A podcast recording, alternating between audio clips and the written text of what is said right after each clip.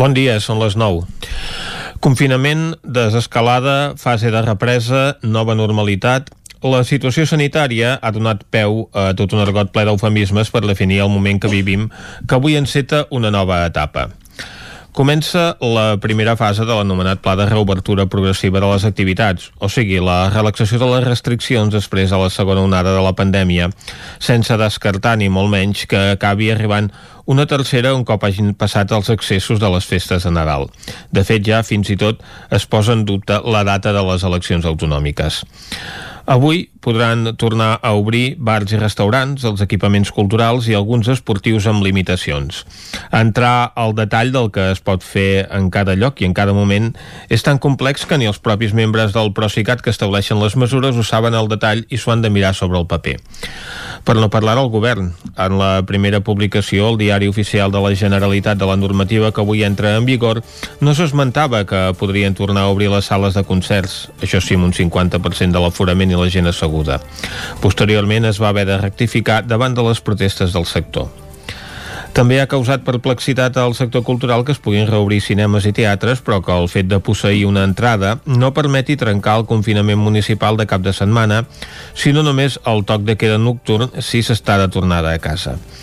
És a dir, que entre setmana tothom pot anar on vulgui dins de l'horari autoritzat, però a l'Atlàntida de Vic, per exemple, al cap de setmana només hi podran anar els biguetans o a tot estirar algú de Call d'Atenes si s'hi arriba a peu. I el mateix passa amb el cine. Això, almenys durant 15 dies, abans el confinament de cap de setmana no s'ampliï a l'àmbit comarcal. En canvi, es poden tornar a fer beatificacions a la Sagrada Família perquè se suprimeix el límit d'aforament als recintes religiosos sempre que no sobrepassin el 30% de la capacitat. Serà que així el regidor barceloní Albert Batlle podrà tenir la consciència més tranquil·la per poder continuar assistint a actes religiosos tot i ser membre del Procicat que va autoritzar la cerimònia del 7 de novembre quan la gent no es podia reunir en lloc més que en un temple de culte. Tot el que ha passat aquest cap de setmana posa de manifest de nou el pes del sector de la cultura en la presa de decisions, perquè ni amb l'anterior consellera ni amb l'actual les coses han millorat. I també la descoordinació que hi ha al govern. Algú es repassa els continguts del diari oficial abans no sortim publicats? O com que era dissabte feien festa? Tot plegat no contribueix a guanyar-se la credibilitat ni la conscienciació dels ciutadans davant de totes aquestes restriccions. Comencem Territori 17 a la sintonia del 9 FM a la veu de Sant Joan, Ona Codinenca, Ràdio Cardedeu i el 9 TV. Territori 17, amb Vicenç Vigues i Jordi Sunyer.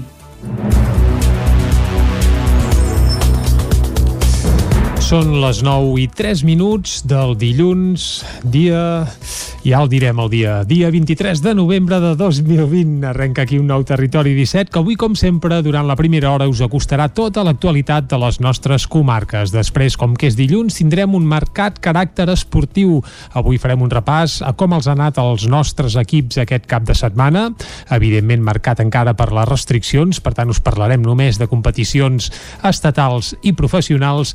També tindrem alguna novetat discogràfica d'àmbit nacional, com cada dilluns de la mà d'Arnau Jaumira, i per acabar farem tertúlia esportiva sobre la jornada de Lliga de Futbol del cap de setmana. Això ho farem a la part final d'un Territori 17, que arrenquem ara tot fent un repàs a l'actualitat de les nostres comarques, les comarques del Ripollès, Osona, el Moianès i el Vallès Oriental. El pla de reobertura del govern ja compta amb l'aval del Procicat. A partir d'avui, bars i restaurants podran tornar a obrir. Ho faran amb restriccions i sobretot amb molts dubtes d'entrada fins d'aquí 15 dies als establiments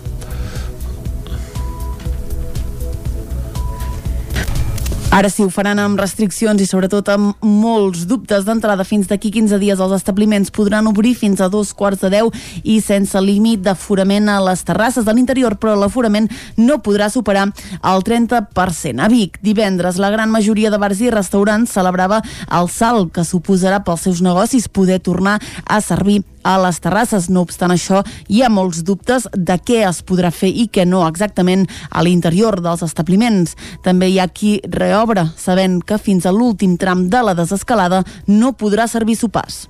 I esperem que la setmana que ve vingui molta gent, eh? Perquè hem comprat com perquè pugui venir mig Vic. No, a veure, vull dir que eh, aquests dies anaves amb, amb lo justet i vigilant, perquè és que si et queda no hi ha manera de vendre-ho i ara doncs no, ara ja tenim ganes de, de que tornin a venir a la gent i que tornin a disfrutar i ens facin disfrutant a nosaltres. Tinc moltes ganes, tu, perquè això d'anar a veure la gent i tot això, bueno, i a més els, el, per la gent que, que conec molta gent, que jo visc aquí al cas que en dic, els que estan treballant als bars i això sap molt greu, sap molt greu, vull dir... A veure, el terrassa sí que podem jugar-hi, però podem jugar en estiu, no en l'hivern. Ara fa fred, i clar, per a comprar estufes, les estufes són molt cares, i eh, clar, comprar estufes per a un mes, un mes i mig, és supercomplicat. El 30% de l'intra també és supercomplicat. Home, podrem facturar molt més, la veritat, ens salvarà, perquè ha sigut uns mesos molt durs, al desembre tenim previst que vindrà molta gent, amb el tema de les botigues, el Nadal, les compres... Bueno, molt, amb moltes ganes, la veritat. Bueno, doncs dilluns eh, tenim de posar el 30% a dintre i el 100% a fora, i bueno, eh, posem l'esfaliment, bueno, ja està adequat per posar les taules com pel 30% i, la, i, a, i a fora pues, posar les taules i, i a més esperar que, que surti el sol. A partir d'avui també poden reobrir cinemes, teatres, auditoris i sales de concert al 50% de la seva capacitat i amb un aforament màxim de 500 persones. També es podrà obrir eh, les instal·lacions esportives a l'aire lliure amb la meitat de l'aforament, però també a l'interior, amb un límit del 30%. Si les dades epidemiològiques ho permeten, d'aquí a 15 dies es passaria al tram 2 de la desescalada. En aquest escenari, el confinament municipal de cap de setmana passaria a ser comarcal. Si tot va bé, pels vols de Nadal s'aixecaria aixecaria el tancament perimetral de Catalunya. Es detecta un brot de coronavirus a la residència de Camprodon amb 25 persones afectades, però totes asimptomàtiques. Isaac Muntades, des de la veu de Sant Joan. El Departament de Salut i l'Ajuntament de Camprodon van informar aquest dijous que es va declarar un brot a la residència geriàtrica municipal l'Hospital del municipi, el qual afecta un total de 17 residents dels 50 que hi ha al centre, tot i que de moment tots són asimptomàtics o tenen un quadre clínic lleu. L'alcalde de la vila, Xavier Guitar, va explicar la cronologia dels fets. Ara ja està controlat, o sigui, tot va venir d'una treballadora que ens va donar positiu, si no vaig equivocat, el dissabte, i vam decidir fer un test massiu a tot el geriàtric per assegurar que no, que no, a més a més al fer aquest test massiu i van començar a arribar resultats i bueno, aquests 20 que tu ara dius que avui et puc confirmar que s'ha acabat amb un difícil. El brot es va detectar dilluns arran d'aquesta professional que va donar positiu i dimarts es va fer el cribaratge massiu a tots els residents i treballadors del centre. Els resultats van arribar dimecres i a banda dels positius entre els avis també hi havia 8 treballadors que se'ls va diagnosticar la malaltia. Tot seguit es va sectoritzar la residència, es van aïllar els residents i es van posar en marxa totes les mesures per contenir el brot. De moment s'ha habilitat una planta del centre geriàtric per atendre els avis afectats per la malaltia i s'han activat els mecanismes oportuns per tal que puguin mantenir contacte telefònic i virtual amb les seves famílies, que van ser informades a l'inici del brot. Des del Departament de Salut s'està fent un seguiment de la situació i de les mesures de control, juntament amb la direcció de la residència i amb la col·laboració de l'Ajuntament. La situació clínica dels residents està sent vigilada i seguida diàriament pels professionals sanitaris del mateix centre i per l'equip d'atenció primària de Camprodon, però també compta amb l'assessorament d'un professional de geriatria de l'Hospital de Camp de Bànol. L'Hospital de Granollers amplia les urgències amb dos mòduls de suport prefabricats. David Oladell, de Ràdio Televisió, Cardedeu. La nova zona tindrà una extensió de 242 metres quadrats en total i ha de permetre deixar d'utilitzar els passadissos com a zona assistencial, entre altres millores en l'atenció del pacient. El primer mòdul estat adherit al servei d'observació d'urgències i vol ampliar aquesta àrea d'observació amb 14 bocs més i augmentar així mateix l'àrea de medicina amb un ús polivalent amb nivells de triatge 3. El segon mòdul consta de 8 butaques i dos bocs de consulta. És adjacent i està comunicat amb la sala d'espera del servei d'urgències. Aquest espai pretén donar resposta a l'àrea mèdica per a aquella patologia lleu de triatge 4 i 5. L'objectiu d'aquests mòduls és, per una banda, donar resposta a les necessitats de la pandèmia Covid, per tal que cada pacient estigui ubicat en un box individual, millorant la seva estada, i per l'altra, anul·lar els passadissos com a zona assistencial. Urgències és la principal porta d'entrada dels pacients que són ingressats al centre, encara que el percentatge més gran de pacients atesos són donats d'alta amb el problema pel qual consulten resolt. També alguns d'ells necessiten seguiment en altres dispositius del centre o en l'atenció primària. A Mollà, quatre grups de l'escola Josep Oriols queden confinats al confirmar-se 46 positius. Caral Campàs, des d'Ona Codinenca. La taxa de reproducció de la pandèmia es manté alta al Moianès després de confirmar-se un augment de casos positius la última setmana. En municipis com Mollà, la R s'enfila fins als dos punts. La detecció de 46 positius en quatre grups escolars de l'escola Josep Orriols són la principal causa d'aquest augment, però aquest no és l'únic centre de la comarca afectat. A Castellterçol, l'Institut Escola ha confirmat nou positius i ha confinat aquesta setmana quatre grups del centre. Pel que fa a la situació més enllà de les escoles, l'evolució de la pandèmia al Moianès és molt diferent segons el municipi. Mentre pobles com Castellcí, Oló o Collsospina tenen escassos nous positius els últims 15 dies, la major part dels casos es concentren en només tres municipis de la comarca. Castellterçol, l'Estany i Mollà tenen un índex de risc de rebrot molt alt i la taxa de reproducció per sobre dels dos punts en el cas de l'Estany i Castellterçol. En xifres absolutes, els tres municipis sumen 60 casos confirmats en PCR la última setmana a falta de corroborar si els casos de l'escola Josep Orriols s'han actualitzat al còmput total del municipi de Mollà. Mentrestant, als altres set pobles de la comarca només s'han detectat quatre casos nous i el risc de rebrot és baix. El periodista biguetà Toni Coromina va morir aquest diumenge al vespre. Nascut a Vic al maig del 1955, era periodista, guionista i activista cultural. Casat i amb dos fills, va ser membre d'una generació de joves que van promoure l'activitat contracultural a la ciutat de Vic en uns anys de forta agitació social, als del final del franquisme inici de la transició. Ell mateix es va encarregar de retratar i deixar constància per la posteritat d'aquesta prolífica activitat cultural en el llibre Cafè Vic, retrat d'una generació de rebels i bromistes 1970-1985, editat per l'Ajuntament de Vic l'any 2007. D'aquests anys en destaquen iniciatives que va coimpulsar com el Periple Pantaner, el Carnaval Ciclista Vic Bujons o el Solàrium de la plaça Major de Vic o grups teatrals com La Troca o múltiples inici iniciatives musicals. Va fer de periodista i articulista al 9-9, La Marxa, el Ter i Osona.com. Durant anys va ser guionista de la vinyeta Aventura i Coromina a La Vanguardia. Abans havia integrat l'equip del Burladero, secció d'humor del rotatiu barceloní. Durant els últims anys, la venda de productes de tipus per internet no ha parat de créixer.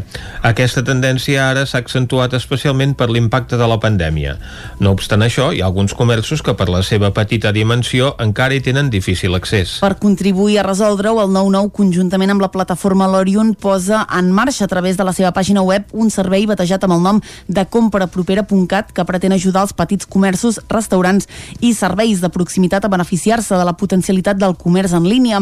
El projecte pretén facilitar que tots els establiments comercials, amb independència de la seva dimensió, puguin vendre els seus productes per internet i per fer-ho cal eliminar barreres. Una de les principals sol ser la burocràcia dels pagaments i cobraments. Això ho resol aquesta plataforma. Per vendre a través de comprapropera.cat no cal fer gestions amb cap entitat financera ni tan sols disposar d'una pàgina web. L'únic requisit és registrar-se a la plataforma i posar a l'aparador els productes que es vulguin oferir. Aquest servei obert a tothom s'ofereix a través del 99.cat perquè, segons les últimes dades d'audiència, la pàgina web registra diàriament una mitjana de més de 20.000 usuaris únics. D'aquesta manera, el 99, com a mitjà de comunicació especialitzat en informació de proximitat, fa un pas més en el suport del comerç local perquè tots els establiments que ho desitgin disposin d'un canal addicional de venda. Aquesta iniciativa se suma a la campanya encara vigent de suport a bars i restaurants en què s'ha publicat gratuïtament l'oferta de menjar per emportar tant a la web com a l'edició en paper. Després, Esports. Després de 5 anys intentant Toni Larcarón s'ha proclamat campió d'Espanya de motocross en la màxima categoria.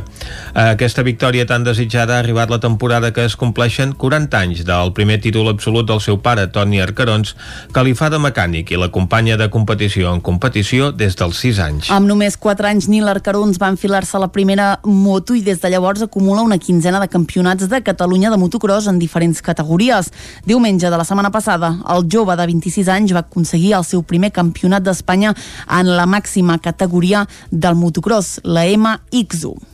Assolir-ho aquest any ha sigut realment increïble perquè hi havia sis pilots molt bons i hem aconseguit guanyar el títol i estem molt satisfets perquè és la recompensa amb molta dedicació El pilot santallenc en va tenir prou amb un tercer i quart lloc diumenge a Calatayud en l'última prova del campionat per adjudicar-se el títol, malgrat arribar a la cita a un punt del líder José Antonio Butrón, que va patir una caiguda i una posterior avaria a la moto. Arribava segon a un punt del primer, que és, bueno, qui queda davant de l'altre guanyava el campionat, i els últims mesos bueno, es va allargar una mica pel tema del Covid, que l'última carrera va ser una mica més tard, llavors ha sigut complicat de gestionar una mica tot, a sobre em vaig trencar la clavícula, que bueno, no, he pogut, no podia arribar físicament com volia, al seu costat, per fer de mecànic i assessorar-lo, hi ha hagut el seu pare, Toni Arcarons. La casualitat ha volgut que el títol hagi arribat quan es compleixen quatre dècades del primer títol absolut del Gran de la Nissaga una sort doncs, de tinguer al costat una persona amb experiència tant de, de mecànica com d'expilot i tot això també li ha servit i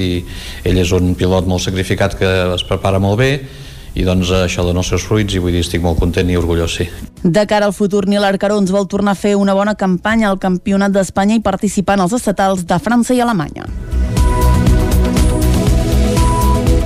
I fins aquí el butlletí de notícies que us hem ofert amb les veus de Vicenç Vigues, Clàudia Dinarès, David Auladell, Caral Campàs i Isaac Muntades. I ara el que toca, com sempre, és parlar del temps.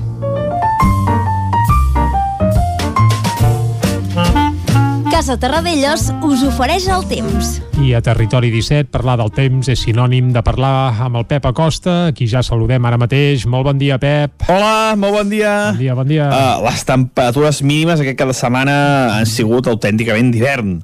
A Vic, sí, sí. pes 4 sota 0, Vilanova de Vallès, 2 graus sota 0, Sant Pau de Segúries, 6 graus sota 0. Uh, la nit més freda va ser la divendres de dissabte va ser la nit que va ser més freda amb les glaçades, mm -hmm. més generals, més contundents, eh, glaçades dures, i, ostres, i que, que convenia, eh? Que convenia, va bé que glaci, va bé per tot, pels animals, per les persones, per les plantes, Bo, per tot, i per, per tot, fi sí. va glaçar d'una manera bastant general i bastant important, unes glaçades força, força contundents. Però eh, això, eh, l'aire fred ja... L'arribada de l'aire fred ja s'ha... La injecció d'aire fred ja s'ha parat, mm -hmm. ja no, no en continua havent més, i s'ha quedat dipositat això, a les valls, els jocs més enclotats, allà és on s'ha dipositat l'aire fred. Aquesta nit ja no ha glaçat tant, mínimes d'un 2 o de 0 les més baixes, però encara hi ha, com dèiem, aquesta, aquest aire fred dipositat a les valls. I també aquesta nit ha baixat una mica la temperatura a molt alta muntanya. No hi ha tant desgavell, no hi ha tant d'inversió tèrmica, temperatures d'alta muntanya, mínimes de 0, 1 sota 0, 1 grau. Uh, no hi ha injecció d'aire càlid, en aquest cas a alta muntanya, i les temperatures ja són més una mica més uniformes i no hi ha aquesta brutal inversió tèrmica del cap de setmana.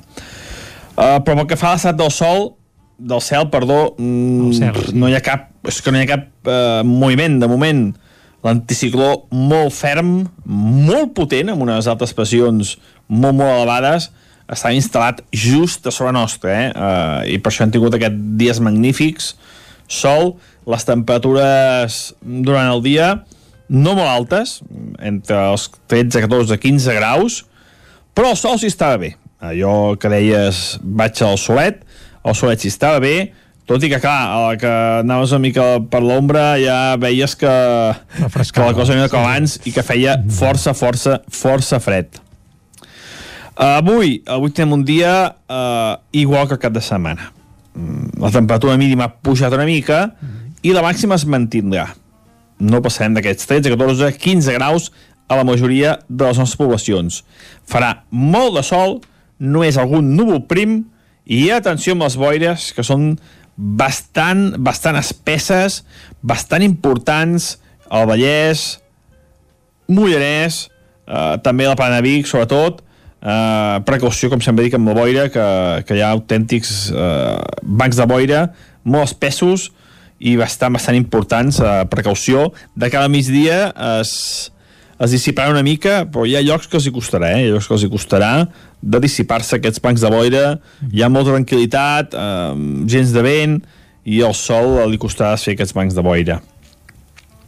De cara als pròxims dies, Com sembla ser, sembla ser que de cada dimecres eh, hi ha un canvi de panorama meteorològic on les peces comencen a canviar Ja està bé. i podríem tenir un front atlàntic que ens afectarà i aquest front atlàntic ens afectarà de manera indirecta però després es pot provocar aquest atlàntic pot provocar una perturbació just davant de la costa catalana eh? i podria ser interessant interessant el panorama a partir de miques dijous però veurem perquè els mapes ballen molt i no, no estic segur del que, del que pugui passar moltes gràcies i ens veiem demà. Demà parlaré ja d'aquest canvi de temps que mica en mica n'hi agafant forma. Moltes gràcies, doncs, adeu. Vinga, Pep, moltes gràcies i estarem al cas de cara a dimecres si venen canvis o no. El que no canvia és la nostra visita diària al quiosc. Anem-hi. Casa Tarradellas us ha ofert aquest espai. Territori 17 Doncs anem al quiosc, com dèiem, i avui sí anem al quiosc i trobarem a les portades del 9-9 una entrevista al ministre de Sanitat. Exactament, comencem per l'edició d'Osona i el Ripollès, on ja hi veiem a Illa, diu no podrem fer un àpat de 20 persones per Nadal perquè no diu, eh, diu no és raonable. A la imatge diu tapien els últims pisos de Can Garcia de Malleu, altres titulars, més pobresa entre les famílies ateses per Càritas, una de cada quatre no té cap ingrés. I els vídeos de 35 càmeres claus per reconstruir l'atemptat del 17 d'agost en esports, primera victòria del Club Pativic. Anem a l'edició del Vallès Oriental, on tornem a veure el ministre Salvador Illa, amb exactament el mateix titular, més coses, mobilització a Cardedeu per evitar una tala d'arbres i els robatoris en habitatges han caigut un 80% amb el toc de queda. Salut i l'Ajuntament de Mollet planifiquen un cribratge massiu a majors de 16 anys asimptomàtics. Anem a veure què treuen en portada als diaris de catalans. Comencem, com sempre, amb el punt avui que diu represa a mig gas. La desescalada permet avui tornar a treballar en moltes activitats amb límits. Recull de 10 casos que hi veu eh, la darrera oportunitat o que no arriben. Parlen de càterings, de l'oci nocturn, de comerç, d'agència de viatges, en fi, de tot de sectors doncs, que han vist com els seus negocis doncs, perdien. Uh, en clau europea, Boris Johnson s'aferra al Brexit i s'avaluarà la viabilitat del 14F en un estudi. Anem al diari ara que diu desescalada en marxa en, en pressió per accelerar-la reobren bars i restaurants amb la petició d'ampliar horari i superar el límit perimetral municipal. A la imatge diu convivència viària en risc a Collserola. Veiem un grup de ciclistes que en aquest moment doncs, són adelantats per un taxi. En clau internacional, Trump perd a Pensilvània la seva última carta jurídica. En esports, Albert Arenas es proclama campió del món de Moto3 i Piqué alerta almenys 4 mesos de baixa i Sergi Roberto 2. Anem al periòdico que diu Espanya tindrà un pla únic de vacunació. La campanya d'injeccions començarà al gener als 13.000 centres de primària del país. A la imatge, emprenedors intrèpids davant del virus. Barcelona inaugura negocis malgrat la crisi econòmica causada per la Covid-19. La pandèmia, diu, sacseja l'ànim dels joves. Paul Pars Preston, que és historiador i alerta biògraf del rei emèrit, diu el que passa amb Joan Carles no pesarà tant com el seu llegat i els Mossos investiguen el tret de la Guàrdia Urbana de Barcelona a una persona sense sostre. A l'avantguàrdia, Sánchez denuncia la vacunació en 13.000 punts a partir del mes de gener. El president del govern central assegura que l'estratègia de desplegament de la vacuna serà única en tot el territori. A la imatge, el Partit Popular s'aboca en contra de la llei CELA, un titular que comentarem i molt a les portades espanyoles. En clau internacional, Trump suma Pensilvània a la llarga llista de derrotes judicials. Doncs anem a veure què treuen en portada els diaris de Madrid. Comencem amb el país que diu Sánchez fixarà una estratègia única de vacunació per tot Espanya. La immunització es durà a terme a 13.000 punts de la xarxa sanitària. A la imatge hi veiem a Casado i Ayuso, diu, a la caravana contra la llei CELA. A partir d'ara, doncs, eh, ampliarem aquesta informació. Més coses, al centre de Salvaterra sobre el que la Fiscalia ha obert diligències va ser denunciat ja l'any 2017 per mala atenció a la gent gran obren amb unes declaracions que diu per humanitat, per favor, investiguin aquesta residència. A la part inferior de la portada del país Parlen dels presos d'ETA, diu més de 40 presos d'ETA s'han arrepentit per escrit l'any 2020. Diu, demano perdó per les tres persones que vaig matar. Al Mundo, una marea taronja inunda els carrers per frenar la llei CELA. Desenes de milers de manifestants clamen contra la reforma educativa en més de 30 ciutats espanyoles. Concretament aquí veiem el passeig de la Castellana de Madrid, una manifestació, en aquest cas, que es va fer amb cotxes. En política, Sánchez avala el pacte amb Bildu, diu les sigles que importen són les de PGE, pressupostos generals de l'Estat. El Mundo avui entrevista Manuel Valls, líder de Barcelona pel canvi, que diu l'esquerra està buscant una altra vegada les dues Espanyes. I el G20 promet que la vacuna serà assequible per tota la humanitat. Anem acabant, anem a la raó que diu Educació en llibertat. Tornem a veure una imatge del passeig de la Castellana de Madrid. Diu famílies i professors es manifesten perquè el govern els escolti i no acabi amb l'escola concertada. Cada un dels més de 2 milions d'alumnes que van a aquestes escoles estalvia a l'Estat 3.000 euros respecte a l'escola pública. Un titular que avui obre la raó, que també es fa ressò dels testos que um, per fer-se la prova del Covid-19 uh, a casa, que diu que arribaran aquest mateix any. També parla del Barça, que diu es trenca. Piqué estarà entre 6 i 8 mesos de baixa. I acabem, com sempre, amb l'ABC, que, com no podia ser d'altra manera, parla de la llei CELA. Diu el PP derogarà la LOMLOE, quan governi. Uh, L'oposició a la llei CELA col·lapsa als carrers. Milers de manifestants protesten a 50 ciutats d'Espanya contra la nova norma educativa. A la part inferior de la portada diu a l'epicentre de la immigració irregular. Un mar de 8.000 Piragua, Piragua sí, esperen a les costes de Mauritània llestes per surcar l'Atlàntic en la ruta cap a Canàries. Doncs realment impactant aquesta imatge de les barcasses que a Mauritània esperen per salpar cap a les Canàries, portada avui de l'ABC, mentre que la resta de la premsa madrilenya hi veiem aquestes protestes que es van dur a terme ahir contra la llei CELA, igual que a l'avantguàrdia. El punt avui i el periòdico es fixen en la seva fotografia de portada en la represa que avui doncs eh, s'inaugura aquesta nova fase de represa, així com veiem aquesta difícil cohabitació entre vehicles motoritzats i ciclistes a Collserola, on aquests eh, dies i aprofitant el confinament local, doncs molta gent hi ha anat a fer esport. Tanquem amb aquesta visita al quiosc aquest bloc informatiu.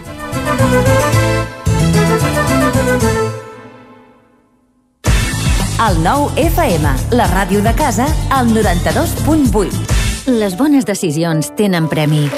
I és que si té una caldera Vaillant, està d'enhorabona. Vaillant li ofereix fins a 15 anys de cobertura total, amb la revisió obligatòria inclosa. Informis a Oficiat Nord trucant al 93 886 0040.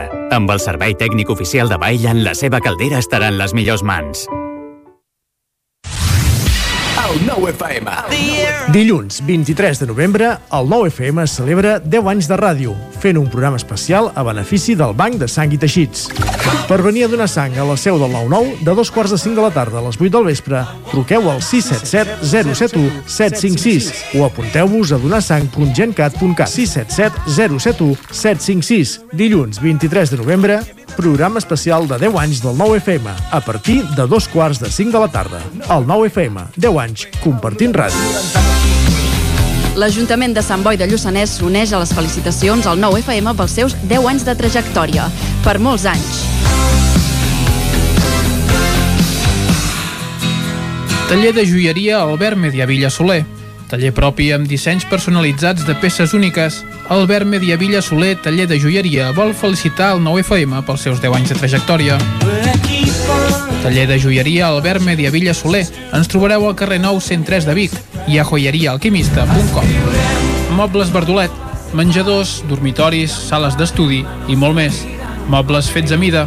Mobles Verdolet. Ens trobareu al carrer Morgades 14 de Vic i al carrer 9 44 de Torelló i també a moblesverdolet.com. Mobles Verdolet felicita el 9FM pels seus 10 anys de trajectòria. L'Ajuntament de Folgueroles felicita el 9FM pel seu desè aniversari. Per molts anys. Tens joies o rellotges que vols rendibilitzar? Demana una valoració gratuïta a Comprem Or, especialistes en la compra de joies, diamants i rellotges. T'ofereixen transparència, discreció i la màxima taxació. Troba la teva botiga a compremor.com o truca al 938 101 342. Recorda, són els originals, els de la moneda. Comprem or. Rambla de Vallada 7, Vic. Hi ha una màgia que no té truc. És la màgia de compartir una estona amb algú i parlar-hi. Vols practicar català? Vols ajudar algú a parlar-lo? Apunta't al voluntariat per la llengua. El programa de les parelles lingüístiques a vxl.cat. Perquè quan parles, fas màgia. Generalitat de Catalunya. 100 milions i mig de futurs. L'Ajuntament d'Olost i Santa Creu de Jutglar vol felicitar el nou FM pel seu desè aniversari. Moltes gràcies per la feina feta i per apropar-nos la informació. Felicitats i per El nou FM, la ràdio de casa, al 92.8. Territori 17, amb Vicenç Vigues i Jordi Sunyer.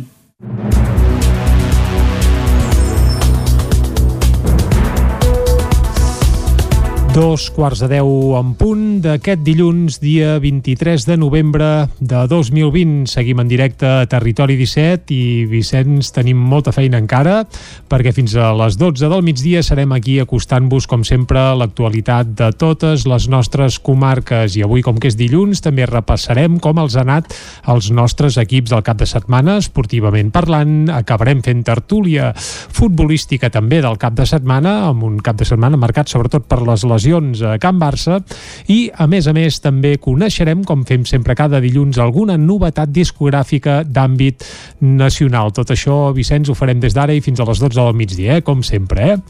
evidentment. I ara el que sí que ens toca és acostar-nos de nou, recuperar de nou la informació de les nostres comarques, les comarques del Ripollès, Osona, el Moianès i el Vallès Oriental.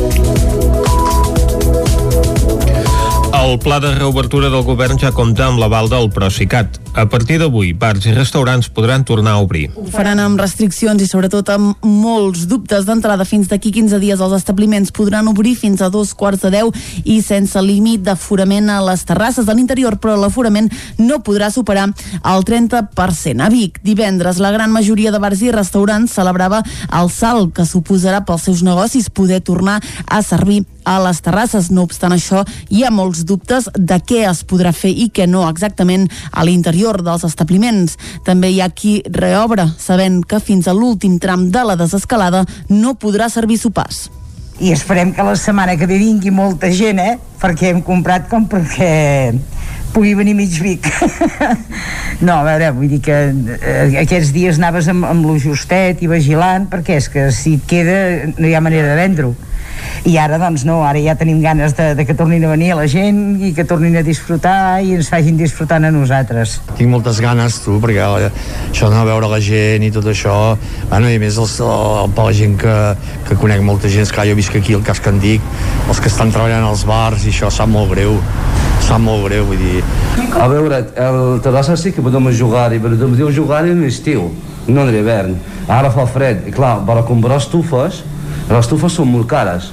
I clar, comprar estufes per a un mes o un mes i mig és supercomplicat. El 30% de l'intra també és supercomplicat. Home, podrem facturar molt més, la veritat, ens salvarà, perquè ha sigut uns mesos molt durs, al desembre tenim previst que vindrà molta gent, amb el tema de les botigues, el Nadal, les compres... Bueno, molt, amb moltes ganes, la veritat. Bueno, doncs dilluns eh, tenim de posar el 30% a dintre i el 100% a fora, i bueno, eh, posem a l'espaliment, bueno, ja està adequat per posar les taules com pel 30% i, la, i, a, i a fora pues, posar les taules i, i a més esperar que, que surti el sol. A partir d'avui també poden reobrir cinemes, teatres, auditoris i sales de concert al 50% de la seva capacitat i amb un aforament màxim de 500 persones. També es podrà obrir eh, les instal·lacions esportives a l'aire lliure amb la meitat de l'aforament, però també a l'interior, amb un límit del 30%. Si les dades epidemiològiques ho permeten, d'aquí a 15 dies es passaria al tram 2 de la desescalada. En aquest escenari, el confinament municipal de cap de setmana passaria a ser comarcal. Si tot va bé, pels vols de Nadal s'aixecarà aixecaria el tancament perimetral de Catalunya. Es detecta un brot de coronavirus a la residència de Camprodon amb 25 persones afectades, però totes asimptomàtiques.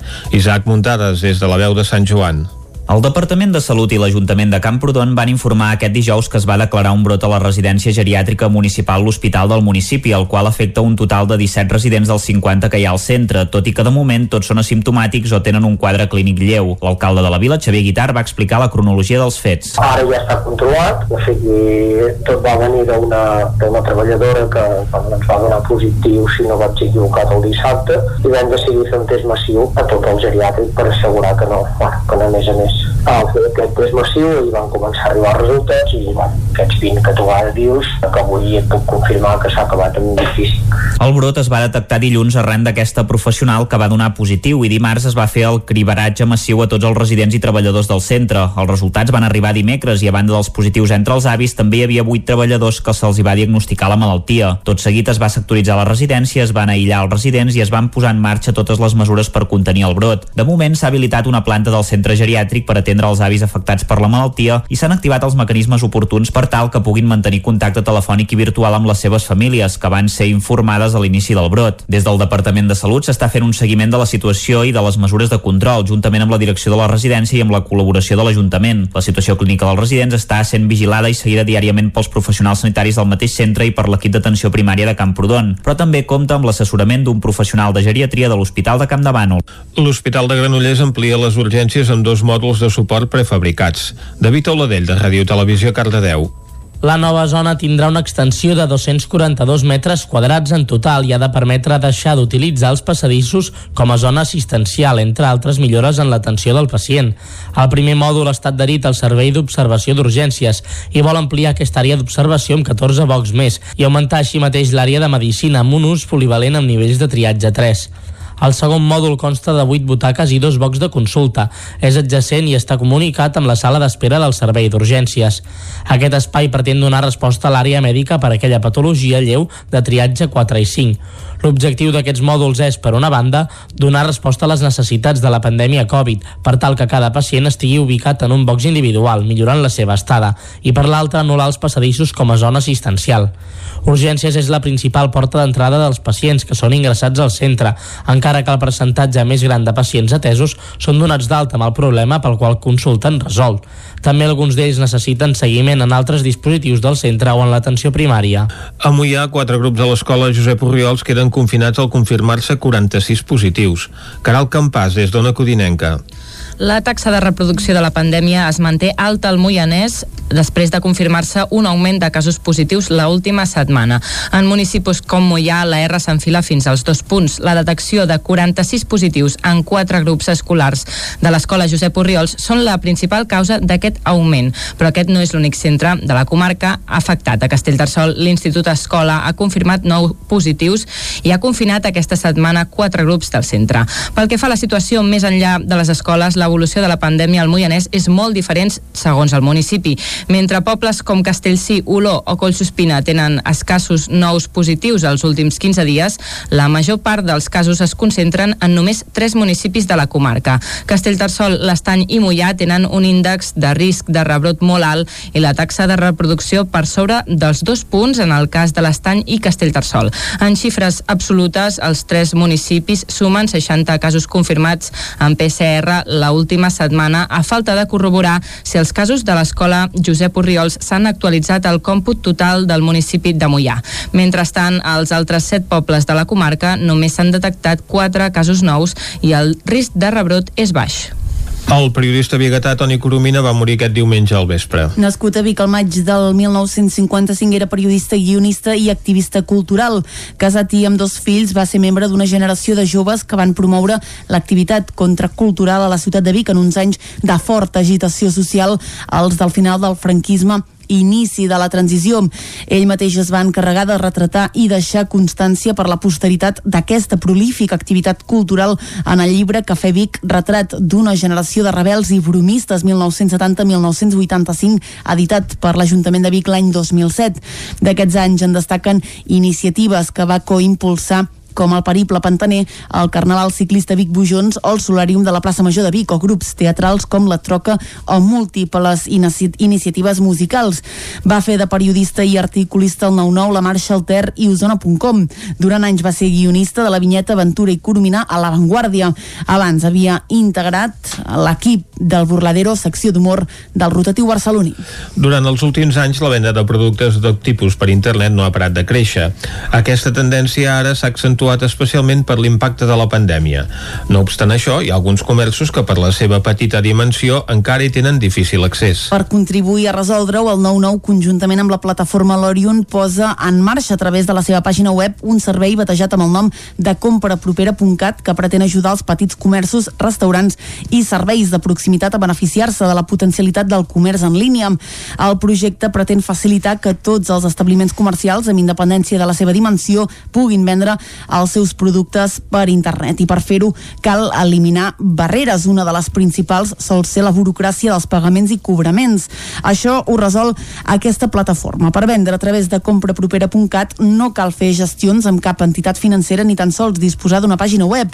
L'únic requisit és registrar-se a la plataforma i posar a l'aparador els productes que es vulguin oferir. Aquest servei obert a tothom s'ofereix a través del 99.cat perquè, segons les últimes dades d'audiència, la pàgina web registra diàriament una mitjana de més de 20.000 usuaris únics.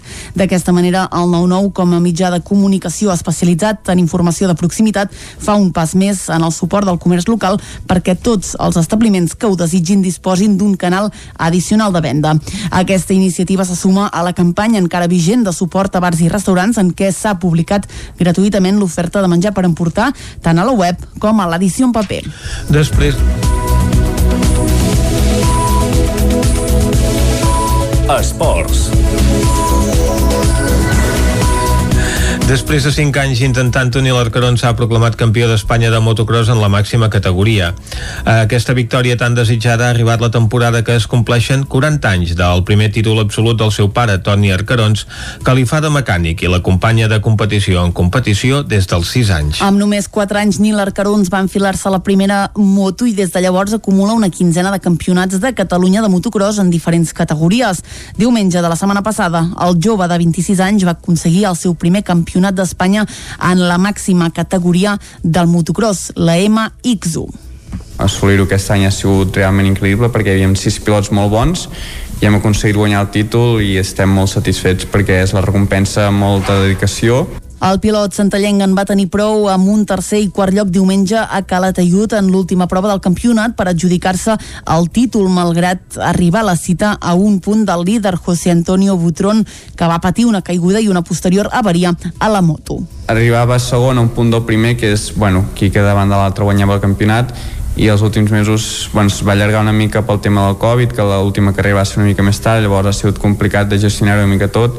A sobre em vaig trencar la clavícula, que bueno, no, he pogut, no podia arribar físicament com volia, al seu costat per fer de mecànic i assessorar-lo hi ha hagut el seu pare Toni Arcarons. La casualitat ha volgut que el títol hagi arribat quan es compleixen quatre dècades del primer títol absolut del Gran de la Nissaga una sort doncs, de tinguer al costat una persona amb experiència tant de, de mecànica com d'expilot i tot això també li ha servit i ell és un pilot molt sacrificat que es prepara molt bé i doncs això dona els seus fruits i vull dir estic molt content i orgullós, sí.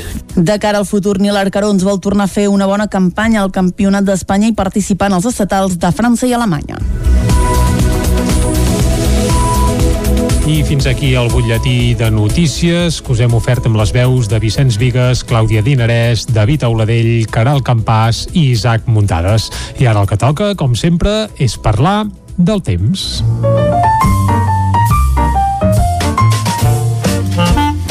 Casa Terradellos us ofereix el temps. I a Territori 17 parlar del temps és sinònim de parlar amb el Pep Acosta, qui ja saludem ara mateix. Molt bon dia, Pep. Hola, molt bon dia. Bon dia, bon dia. Uh, les temperatures mínimes aquest cada setmana han sigut autènticament d'hivern.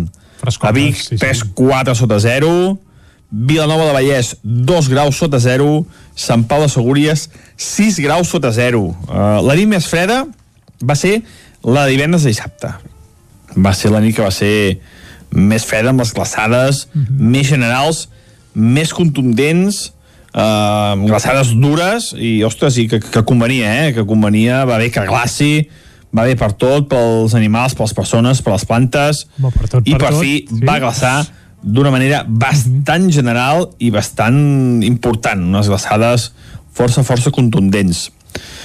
Però eh, això, eh, l'aire fred ja, l'arribada de l'aire fred ja s'ha, la injecció d'aire fred ja s'ha parat, ja no, no continua havent-hi més, i s'ha quedat dipositat això, a les valls, eh, els jocs més enclotats, allà és on s'ha dipositat l'aire fred, aquesta nit ja no ha glaçat tant, mínimes d'un 2 o de 0 les més baixes, però encara hi ha, com dèiem, aquesta, aquest aire fred dipositat a les valls. I també aquesta nit ha baixat una mica la temperatura a molt alta muntanya.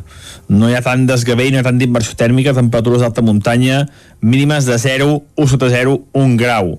Uh, no hi ha injecció d'aire càlid en aquest cas a, alta muntanya i les temperatures ja són més una mica més uniformes i no hi ha aquesta brutal inversió tèrmica del cap de setmana uh, però pel que fa a l'estat del sol del cel, perdó mm, no hi ha cap és que no hi ha cap uh, moviment de moment l'anticicló molt ferm molt potent amb unes altes pressions molt molt elevades està instal·lat just a sobre nostra eh? Uh, i per això hem tingut aquests dies magnífics sol, les temperatures durant el dia no molt altes entre els 13, 14, 15 graus però el sol sí estava bé allò que deies vaig al solet el solet sí estava bé tot i que clar, a la que anaves una mica per l'ombra ja veies que, que la cosa no era com abans i que feia força, força, força fred Uh, avui, avui tenim un dia uh, igual que el cap de setmana. Mm, la temperatura mínima ha pujat una mica i la màxima es mantindrà. No passarem d'aquests 13, 14, 15 graus a la majoria de les nostres poblacions. Farà molt de sol, no és algun núvol prim i atenció amb les boires que són bastant, bastant espesses, bastant importants al Vallès, Mollanès, eh, també la Plana Vic, sobretot, Uh, precaució, com sempre dic, amb la boira, que, que hi ha autèntics uh, bancs de boira molt espessos i bastant, bastant importants. Uh, precaució. De cada migdia es, es dissiparà una mica, però hi ha llocs que els hi costarà, eh? Hi ha llocs que els hi costarà de dissipar-se aquests bancs de boira. Hi ha molta tranquil·litat, uh, gens de vent, i el sol li costarà fer aquests bancs de boira. De cara als pròxims dies, Com sembla ser, sembla ser que de cada dimecres eh, hi ha un canvi de panorama meteorològic on les peces comencen a canviar Ja està bé. i podríem tenir un front atlàntic que ens afectarà i aquest front atlàntic ens afectarà de manera indirecta però després es pot provocar aquest atlàntic pot provocar una perturbació just davant de la costa catalana eh? i podria ser interessant interessant el panorama a partir de miques dijous però ho veurem perquè els mapes ballen molt i no, no estic segur del que, del que pugui passar moltes gràcies i ens veiem demà. Demà parlaré ja d'aquest canvi de temps que mica en mica n'hi agafant forma. Moltes gràcies, doncs, adeu. Vinga, Pep, moltes gràcies i estarem al cas de cara dimecres si venen canvis o no. El que no canvia és la nostra visita diària al quiosc. Anem-hi. Casa Tarradellas us ha ofert aquest espai. Territori 17 Doncs anem al quiosc, com dèiem, i avui si anem al quiosc i trobarem a les portades del 9-9 una entrevista al ministre de Sanitat. Exactament, comencem per l'edició d'Osona i el Ripollès, on ja hi veiem a Illa, diu no podrem fer un àpat de 20 persones per Nadal perquè no, diu, eh, diu no és raonable. A la imatge diu tapien els últims pisos de Can Garcia de Manlleu, altres titulars, més pobresa entre les famílies ateses per Càritas, una de cada quatre no té cap ingrés. I els vídeos de 35 càmeres claus per reconstruir l'atemptat del 17 d'agost en esports, primera victòria del Club Patí Vic. Anem a l'edició del Vallès Oriental, on tornem a veure el ministre Salvador Illa, amb exactament el mateix titular, més coses, mobilització a Cardedeu per evitar una tala d'arbres i els robatoris en habitatges han caigut un 80% amb el toc de queda. Salut i l'Ajuntament de Mollet planifiquen un cribratge massiu a majors de 16 anys asimptomàtics. Anem a veure què treuen en portada als diaris de catalans. Comencem, com sempre, amb el punt avui que diu represa a mig gas. La desescalada permet avui tornar a treballar en moltes activitats amb límits. Recull de 10 casos que hi veu eh, la darrera oportunitat o que que no arriben. Parlen de càterings, de l'oci nocturn, de comerç, d'agència de viatges, en fi, de tot de sectors doncs, que han vist com els seus negocis doncs, perdien.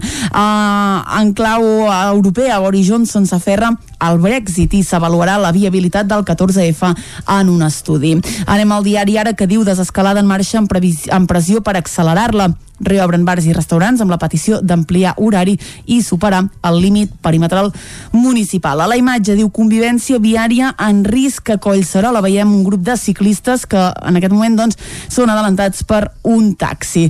En clau internacional, Trump perd a Pensilvània la seva última carta jurídica. En esports, Albert Arenas es proclama campió del món de Moto3 i Piqué alerta almenys 4 mesos de baixa i Sergi Roberto 2. Anem al periòdico que diu Espanya tindrà un pla únic de vacunació. La campanya d'injeccions començarà al gener als 13.000 centres de primària del país. A la imatge, emprenedors intrèpids davant del virus. Barcelona inaugura negocis malgrat la crisi econòmica causada per la Covid-19. La pandèmia, diu, sacseja l'ànim dels joves. Paul Pars Preston, que és historiador i alerta biògraf del rei emèrit, diu el que passa amb Joan Carles no pesarà tant com el seu llegat. I els Mossos investiguen el tret de la Guàrdia Urbana de Barcelona a una persona sense sostre.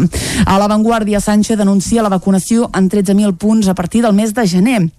El president del govern central assegura que l'estratègia de desplegament de la vacuna serà única en tot el territori. A la imatge, el Partit Popular s'aboca en contra de la llei CELA, un titular que comentarem i molt a les portades espanyoles. En clau internacional, Trump suma Pensilvània a la llarga llista de derrotes judicials. Doncs anem a veure què treuen en portada els diaris de Madrid. Comencem amb el país que diu Sánchez fixarà una estratègia única de vacunació per tot Espanya. La immunització es durà a terme a 13.000 punts de la xarxa sanitària.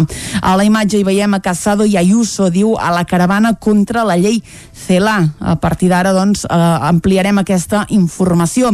Més coses, al centre de Salvaterra sobre el que la Fiscalia ha obert diligències va ser denunciat ja l'any 2017 per mala atenció a la gent gran obren amb unes declaracions que diu per humanitat, per favor, investiguin aquesta residència. A la part inferior de la portada del país Parlen dels presos d'ETA, diu més de 40 presos d'ETA s'han arrepentit per escrit l'any 2020. Diu demano perdó per les tres persones que vaig matar. Al Mundo, una marea taronja inunda els carrers per frenar la llei CELA.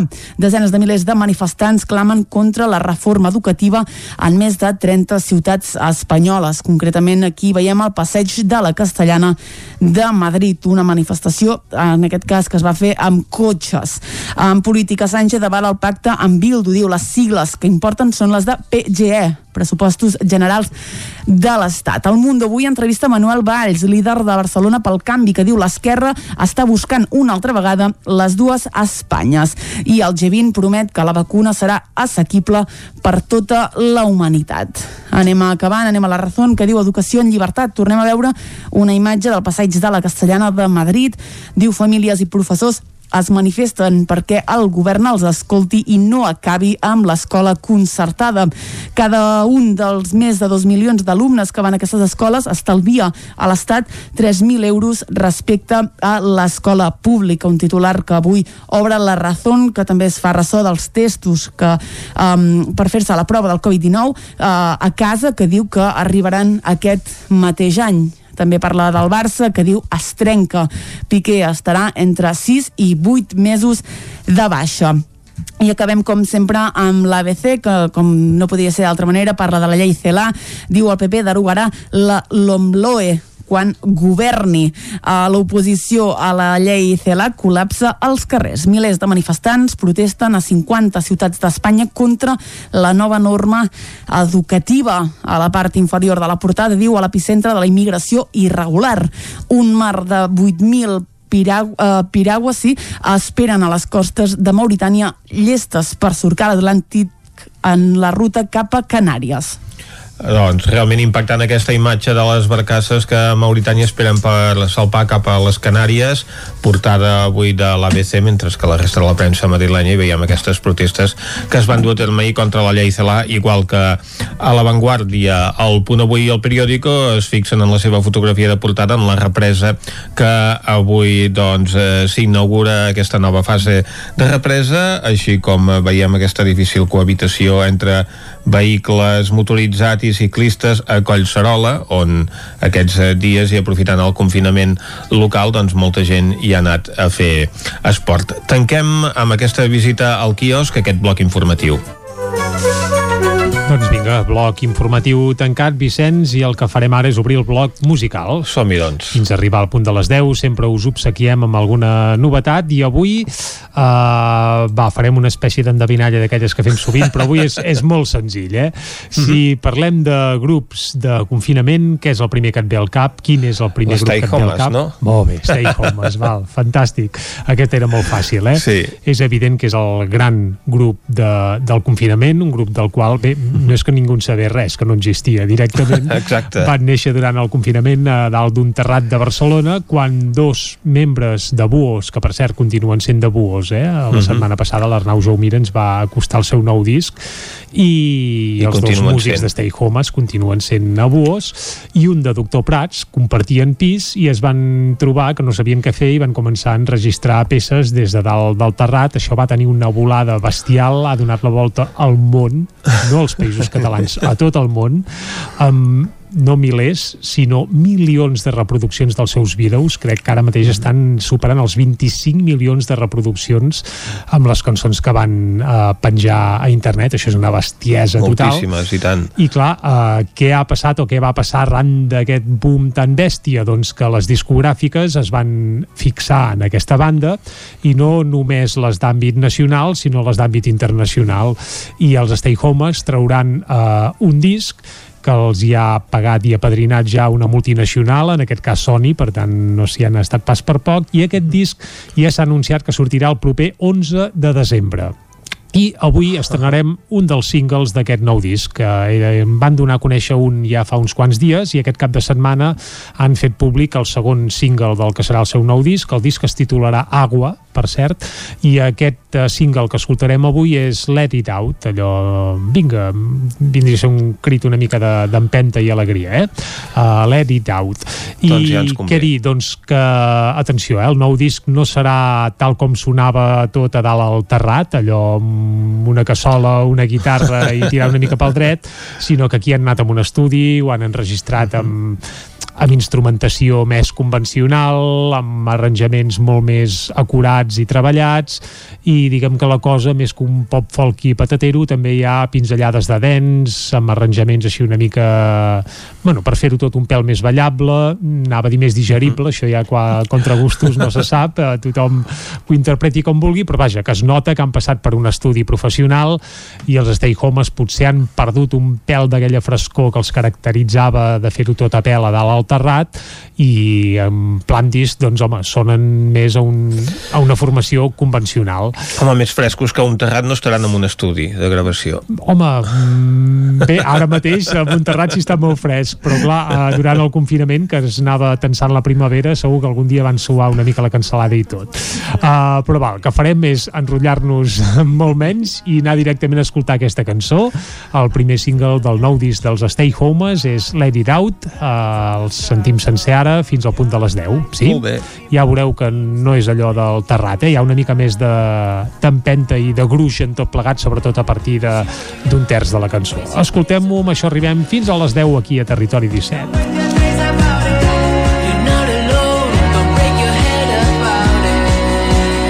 Open up and let it out.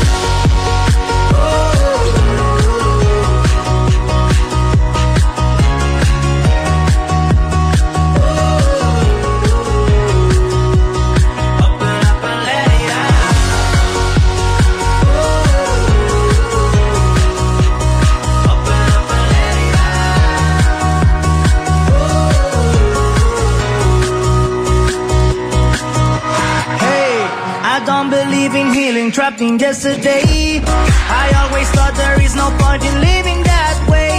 Waiting on the platform, there's no place to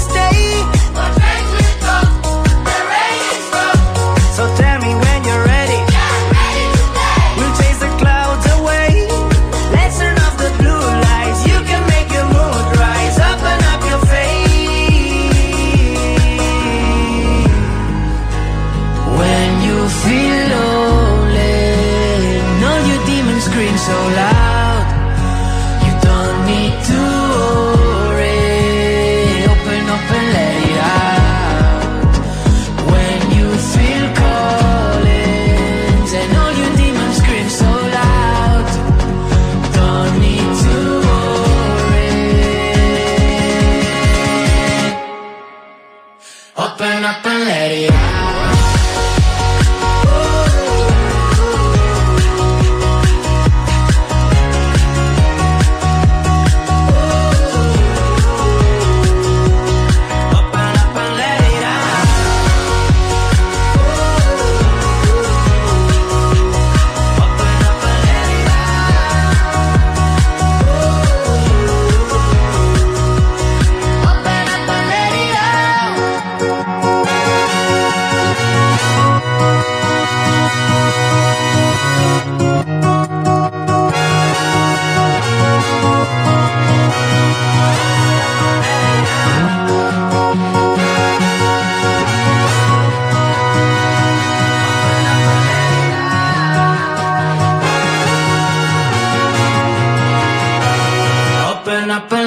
out.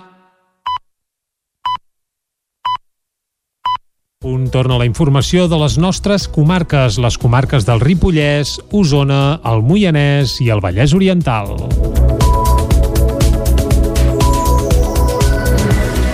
Els agents ferits en el control policial per evitar la fugida de Junts Abduyakub asseguren que reia i anava a fer-los mal. Isaac Muntades des de la veu de Sant Joan.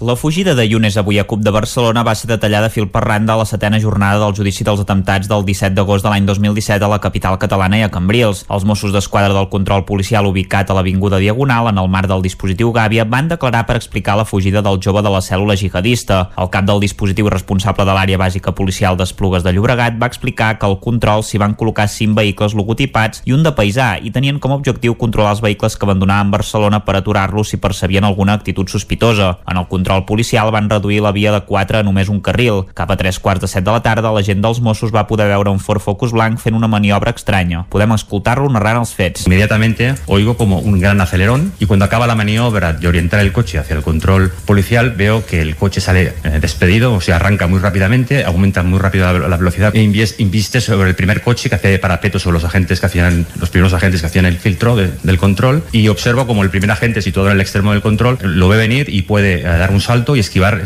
y evitar ser atropellado. E inmediatamente este agente, viendo que el coche accede a lo que es la zona de seguridad del control policial, de forma instintiva efectúa una serie de disparos con su arma reglamentaria, viendo eh, que la integridad de los agentes que estábamos al interior del, del dispositivo, pues corría evidentemente un riesgo grave, su integridad e incluso su vida. La gent que va disparar va veure com el conductor del vehicle somreia i va tenir la percepció que volia fer-los mal. De fet, la majoria d'ells recordaven el seu somriure. Sortosament, ell només es va fer mal al bessó. No van tenir tanta sort l'altra gent que es trobava just al darrere, que va ser atropellat i va haver de ser portat a l'hospital pel seu company. En el primer cas no se'l va considerar víctima del terrorisme i en el segon sí se'l va indemnitzar. També es va considerar víctima del terrorisme la sergent que va resultar ferida de l'atropellament. En aquest cas, ella va sortir disparada uns 8 metres i només recorda l'impacte del cop, ja que va ser evacuada cap a l'hospital. Així explicava les ferides que va patir. Tuve múltiples contusiones, tuve policontusiones por el tórax, eh, las dos rodillas, que fue donde impactó el Ford Focus, la derecha y la izquierda, produciéndome una rotura de ligamentos en tercer grado en la rodilla y en el tobillo,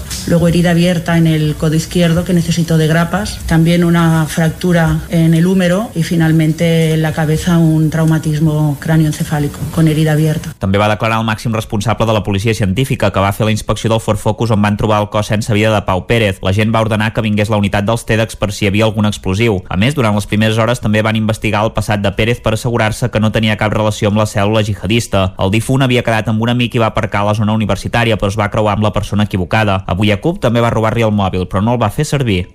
Yunes Abduyakub no parava de cridar a la Akbar, Déu és gran, abans de ser abatut pels dos agents dels Mossos a. Isaac Muntades, des de la veu de Sant Joan.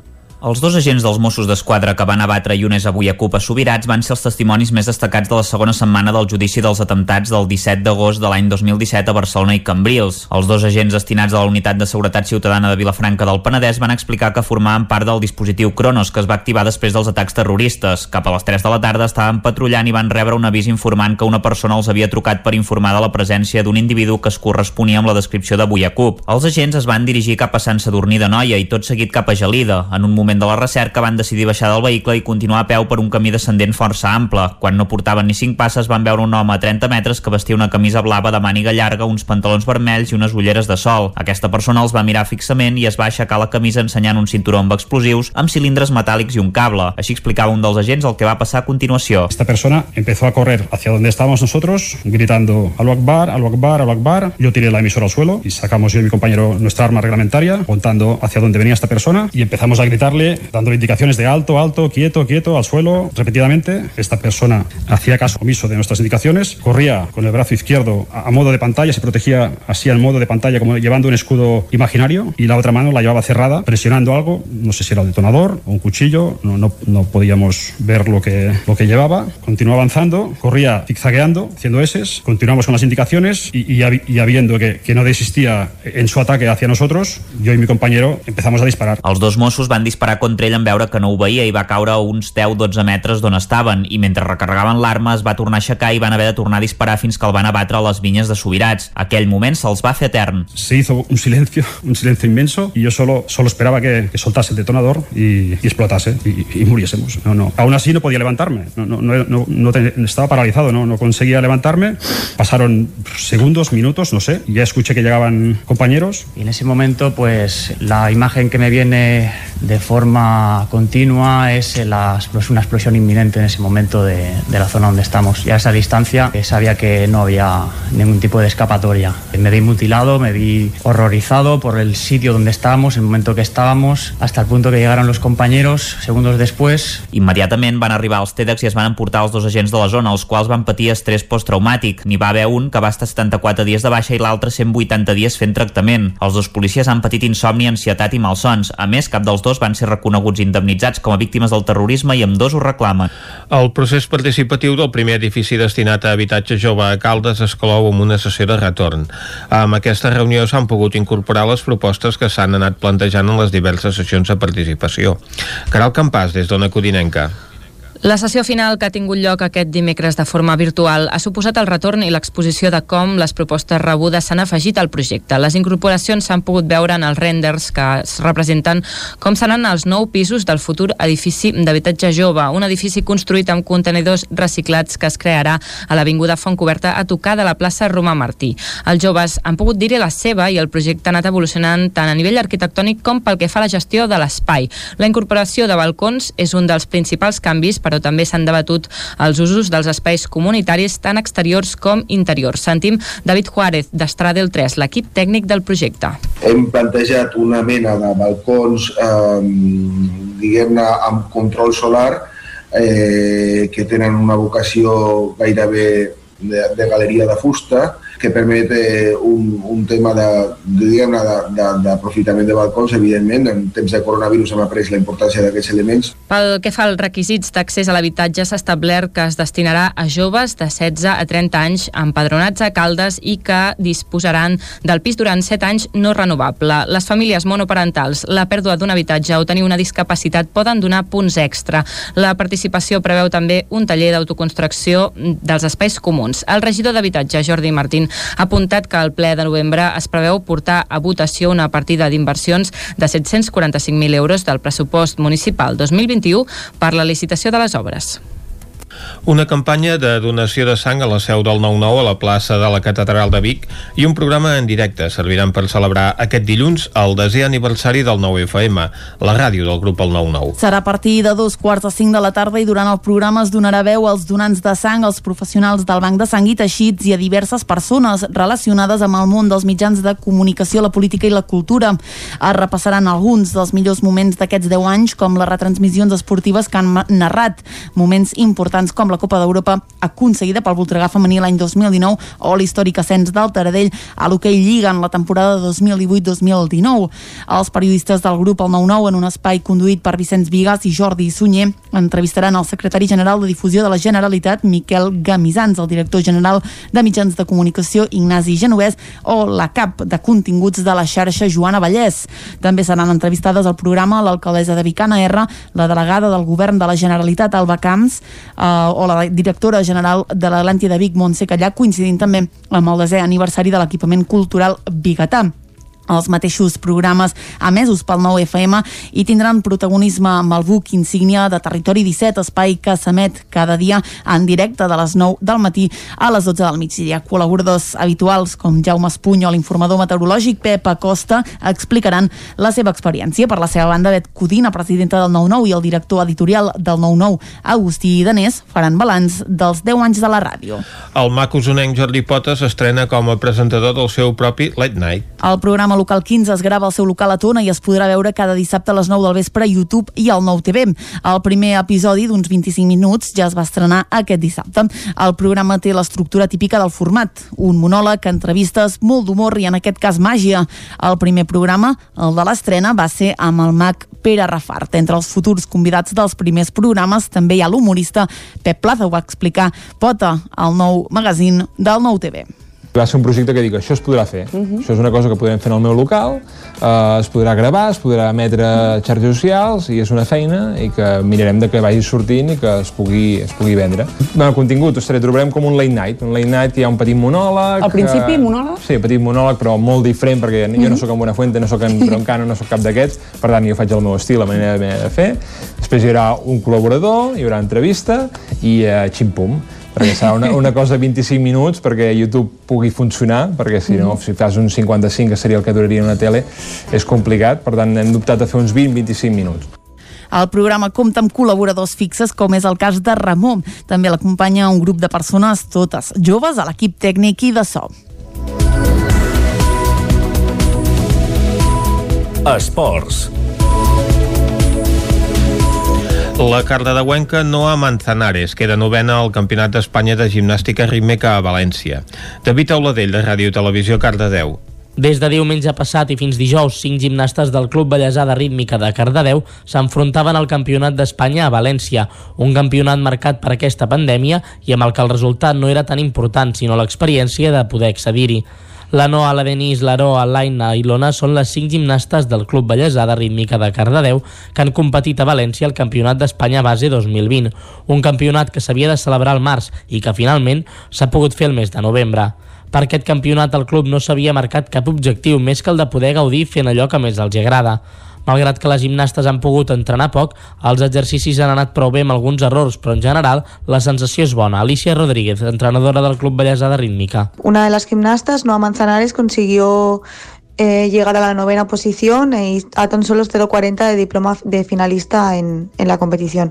Es el mejor resultado hasta ahora del club a nivel nacional, así que estamos muy contentos y con muchísimas ganas para afrontar la siguiente temporada, a seguir luchando, a seguir aprendiendo y a seguir trabajando y yendo a estas competiciones nacionales con el club. Després d'aquesta cita en una època complicada, el club s'encara ara a la temporada 2021 que esperen la pandèmia els ho posi més fàcil.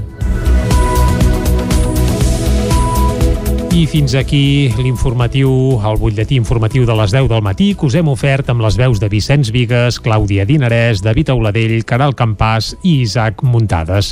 Ara, arribats a que, en aquest punt, el que ens toca és refrescar de nou la informació meteorològica.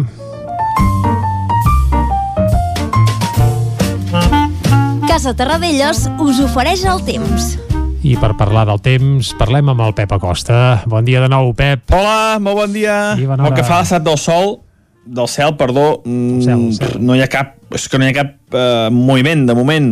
L'anticicló molt ferm, molt potent, amb unes altes pressions molt, molt elevades, està instal·lat just a sobre nostra, eh? eh? i per això han tingut aquests dies magnífics, sol, les temperatures durant el dia no molt altes, entre els 13, 14, 15 graus, però el sol s'hi estava bé. Allò que deies, vaig al solet, el solet s'hi estava bé, tot i que, clar, a la que anaves una mica per l'ombra ja veies que, que la cosa no era com abans i que feia força, força, força fred. Avui, avui tenim un dia uh, igual que cap de setmana. Mm, La temperatura mínima ha pujat una mica i la màxima es mantindrà no passarem d'aquests 13, 14, 15 graus a la majoria de les nostres poblacions.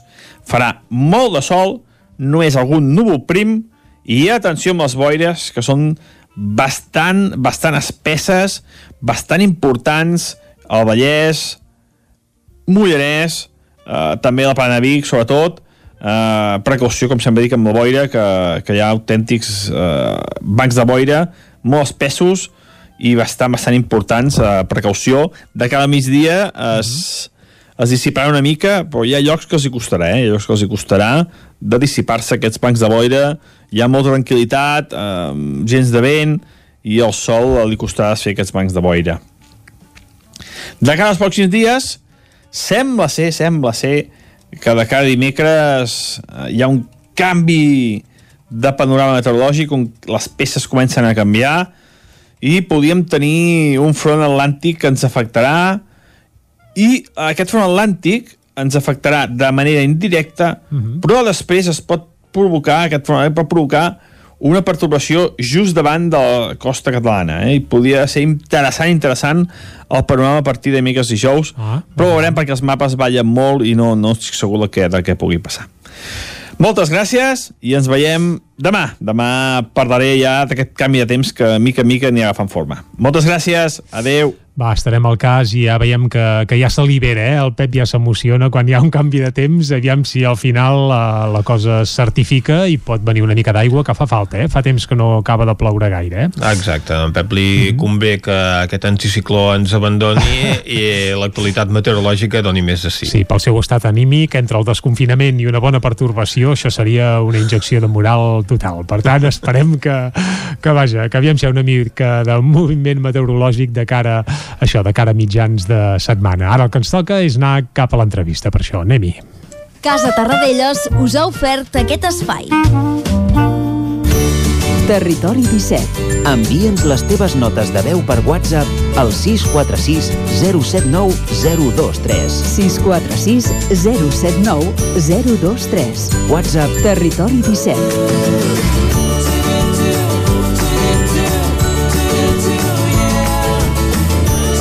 Territori 17. Som a Facebook, Twitter i Instagram amb l'usuari Territori 17.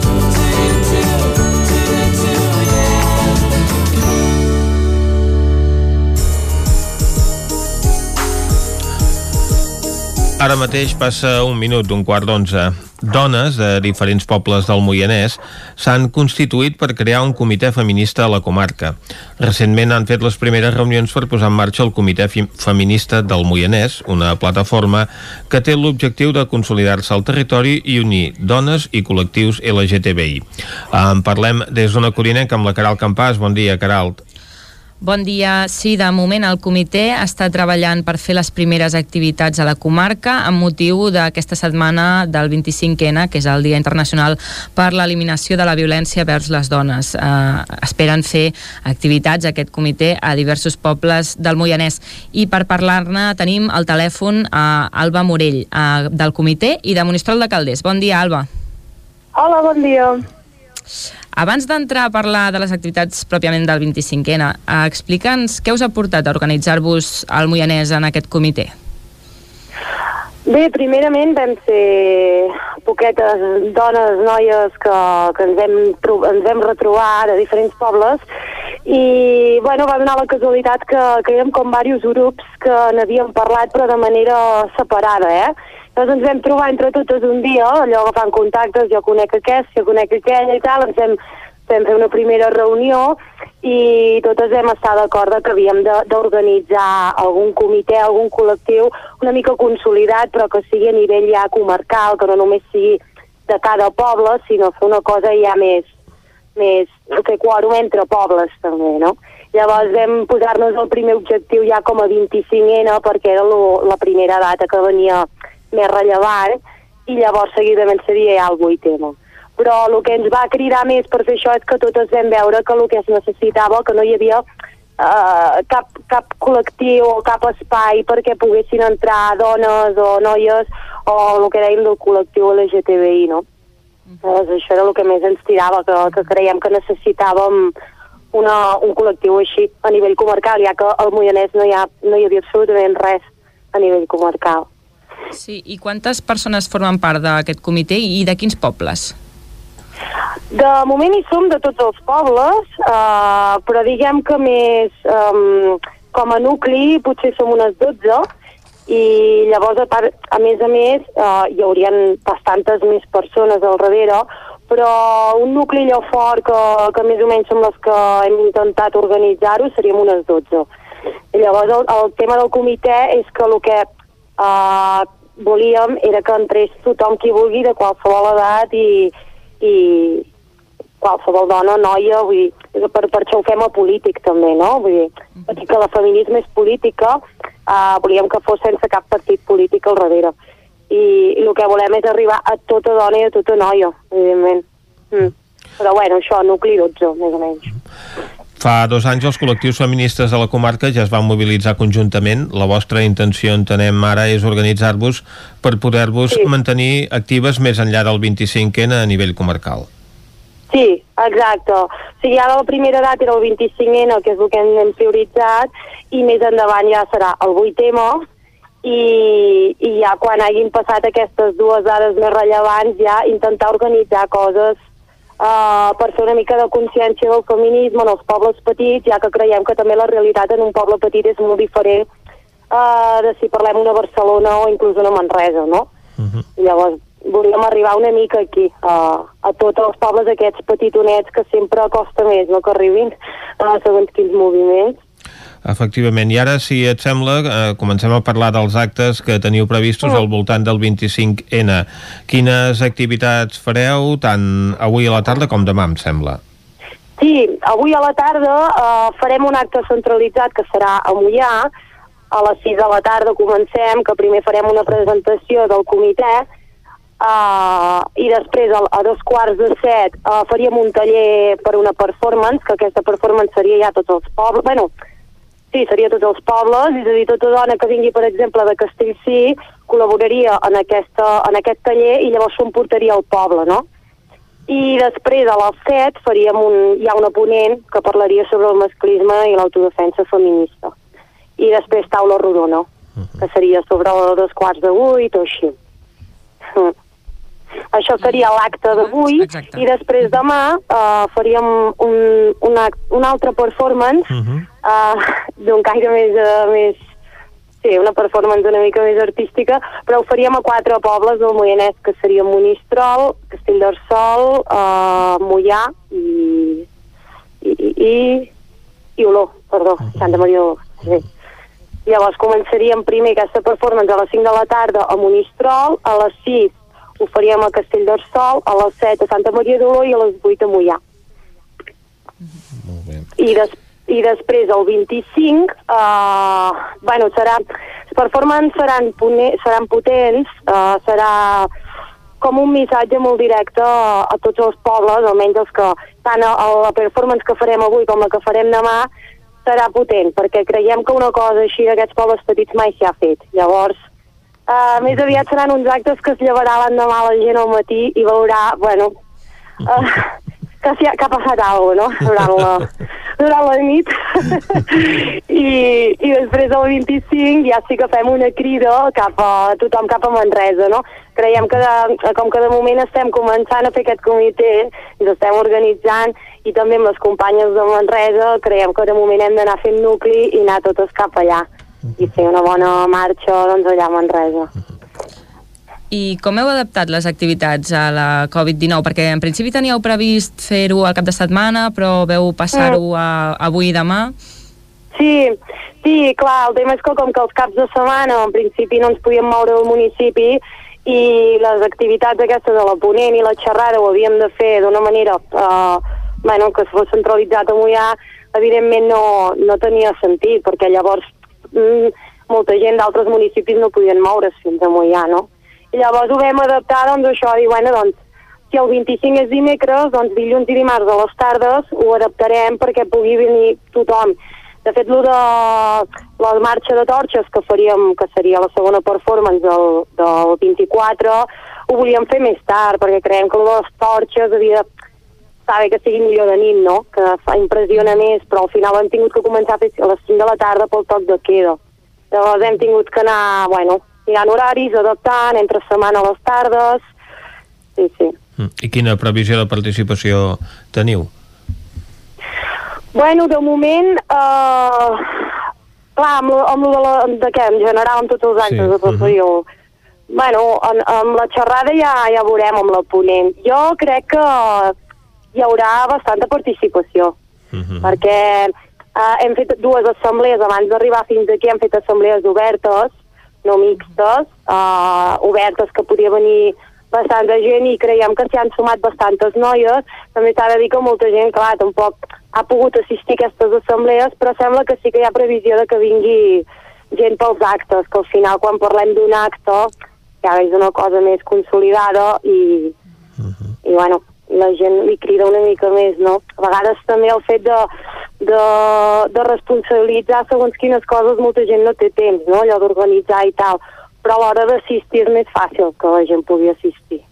I jo crec que, bueno, en general creiem que sí, que, que hi haurà una previsió que est- estarà bé. Hi haurà genteta i sobretot amb les performances també creiem que hi haurà genteta, perquè hem animat bastanta gent també, perquè hi participin. Sí.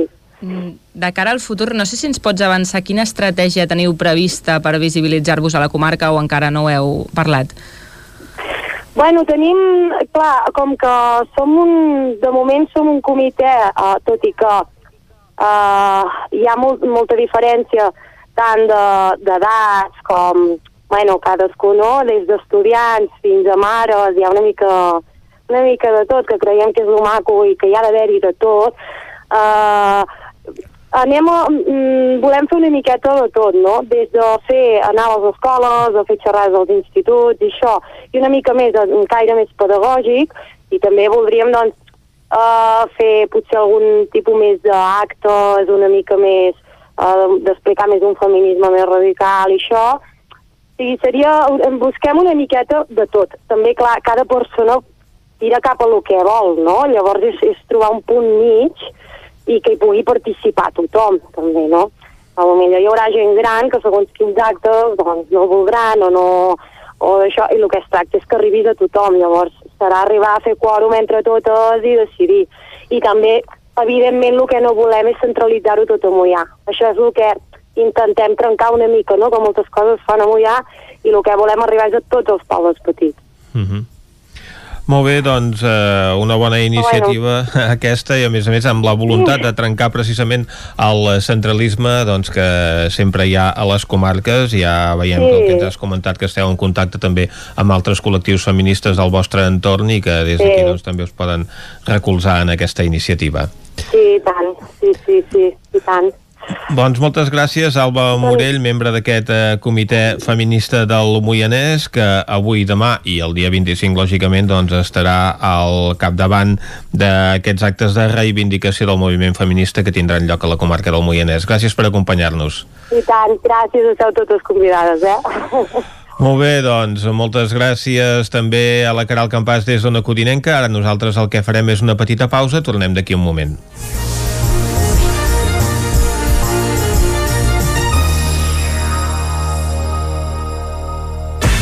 El nou FM, la ràdio de casa, al 92.8.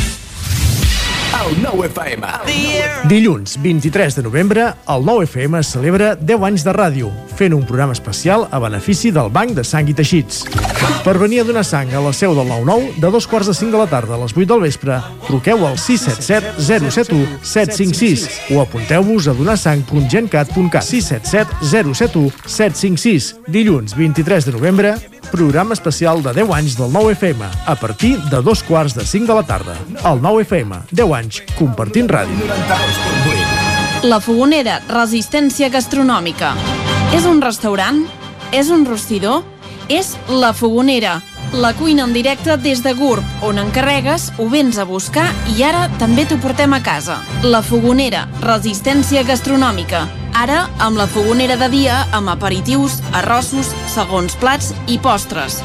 I quan cau la nit, ens transformem en un popurri culinari. Burgers, pizza, pasta... Truca al 93 851 55 75 o entra a lafogonera.cat. La Fogonera, el teu aliat gastronòmic. L'Ajuntament de Centelles vol felicitar el 9FM pels seus 10 anys d'emissió. L'enhorabona i que en siguin molts més. Òptica Visual Opti3. Regala qui estimis, visió, salut, protecció, prevenció i moda. Per tu, regala't una revisió visual completa. Visual Opti3, la teva òptica. Ens trobaràs a Facebook, Instagram, visualopti3.com i a la plaça Major 39 de Vic. Anuncia't al 9FM. La màquina de casa. 9 3 8 8 9 4 9 4 9. Publicitat arroba al 9FM.cat. Anuncia't al 9FM. La publicitat més eficaç. L'Ajuntament d'Espinelves vol felicitar el 9FM pels seus 10 anys de trajectòria. Enhorabona! L'Ajuntament de Tona vol felicitar el 9FM pel seu desè aniversari. Moltes gràcies per la feina feta i per apropar-nos cada dia a la informació. Moltes Només felicitats. pensar en passar aquesta nit sense calefacció amb aquest fred? No es preocupi, hem analitzat a fons la caldera i de seguida quedarà reparada i en funcionament. Quan tingui un problema amb la seva caldera, vagi directament a la solució. Truqui sempre al Servei Tècnic Oficial de Saunier Duval i despreocupis, perquè som fabricants i coneixem les nostres calderes peça a peça. Informis a Oficiat Nord trucant al 938860040. Saunier Duval, sempre al seu costat. El 9FM. La ràdio de casa al 92.8.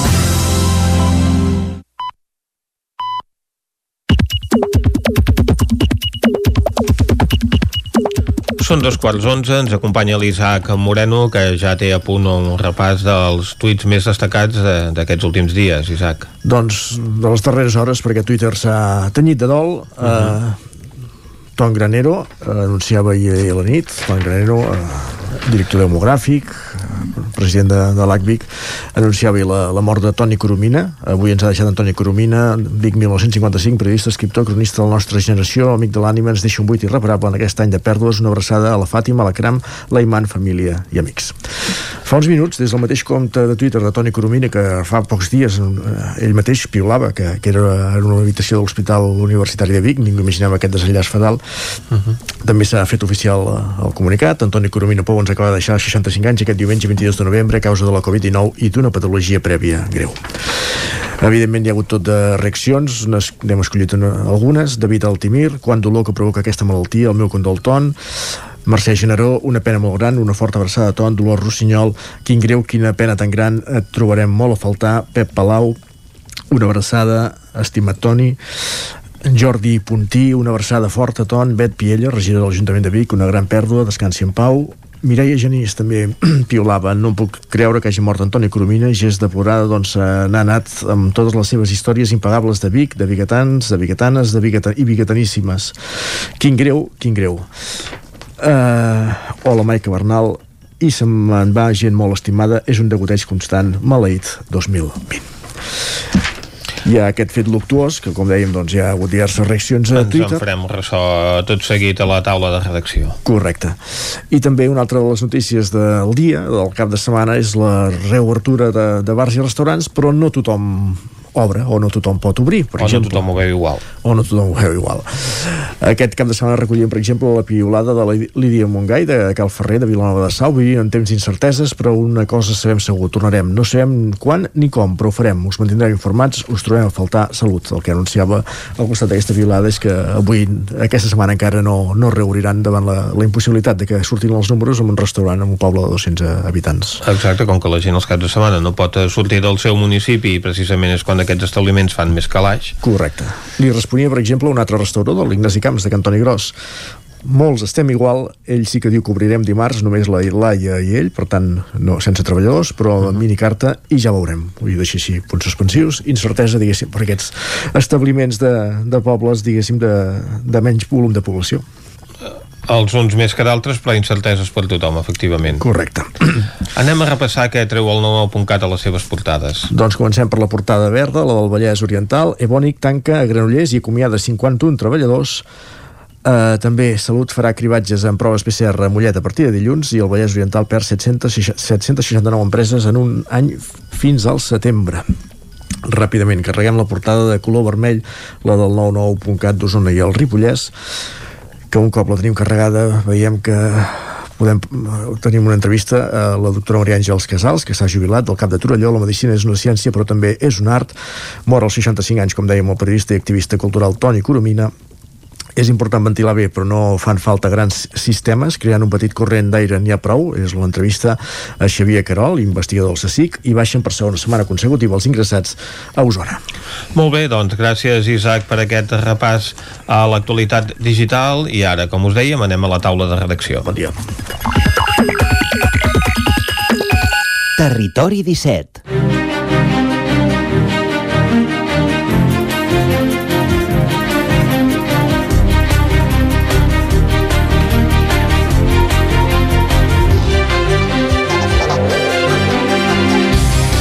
Ens acompanyaran avui a la taula de redacció Jordi Vilarrodà i la Txell Vilamala.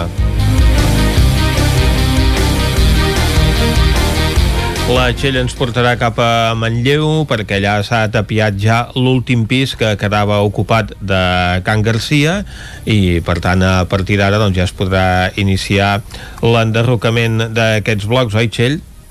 Hola, bon dia, Vicenç. Bon doncs dia. sí, uh, recordem que el primer bloc de Can Garcia ja és a terra des del el novembre de l'any 2015. Uh -huh. Ens quedava pendent aquest segon bloc que des de divendres, com bé deies, efectivament ja és buit, ja no hi viu ningú, perquè els últims tres pisos on encara hi havia veïns, uh, divendres van quedar tapiats i aquests veïns van entregar les seves claus a l'Ingasol.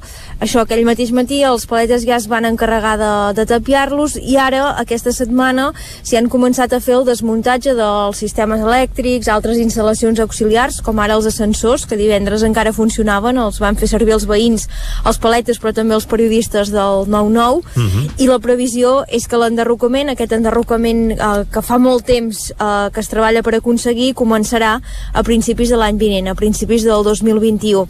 D'aquesta manera eh, es posarà el punt final a un projecte que va néixer el 2004, amb la inclusió de Manlleu al primer pla de barris de la Generalitat, i que els últims anys s'ha anat retardant, eh, sobretot per aquesta dificultat d'arribar a reallotjar els veïns. Ara sembla, però, que el procés hauria de ser relativament ràpid, perquè, com ens explica l'alcalde de Manlleu, el senyor Àlex Garrido, aquestes obres per tirar a terra al segon bloc eh, ja compten amb una partida específica de 800.000 euros als pressupostos de la Generalitat i es van licitar fa temps, per tant, ara només es tracta d'adjudicar-les i acabar de formalitzar el contracte, però tots els tràmits administratius ja estan acabats. A partir del moment que s'hi comenci a treballar L'enderrocament es calcula que com a màxim durarà 10 mesos i després eh, la gran incògnita és caldrà veure què es fan aquests dos solars. Eh, com dèiem, l'altre és buit ja des de l'any 2015, es va tirar a terra el primer bloc i llavors es va tancar el solar amb una mena de tanques. Ara hi haurà també aquest segon. Eh, L'Incasol, la proposta que feia inicialment era eh, construir un edifici de menys alçada que els blocs de Can Garcia, similar als de la resta de la ciutat, i destinar-lo a habitatge digne i assequible, a més a més de poder acollir algun equipament. La incògnita és aviam si això s'acaba materialitzant un cop s'hagi efectuat aquesta demolició. I d'altra banda, eh, pel que fa a aquestes últimes famílies, eh, el divendres també vam poder parlar amb la Núria López, que és eh, tècnica de vincles, l'empresa del tercer sector, que els ha acompanyat al llarg de tot aquest procés de reallotjament, que destacava que la majoria han decidit per quedar-se han decidit quedar-se a Manlleu i que encara que el procés en alguns casos ha sigut més fàcil i en d'altres més difícil, al final ha anat tot bé.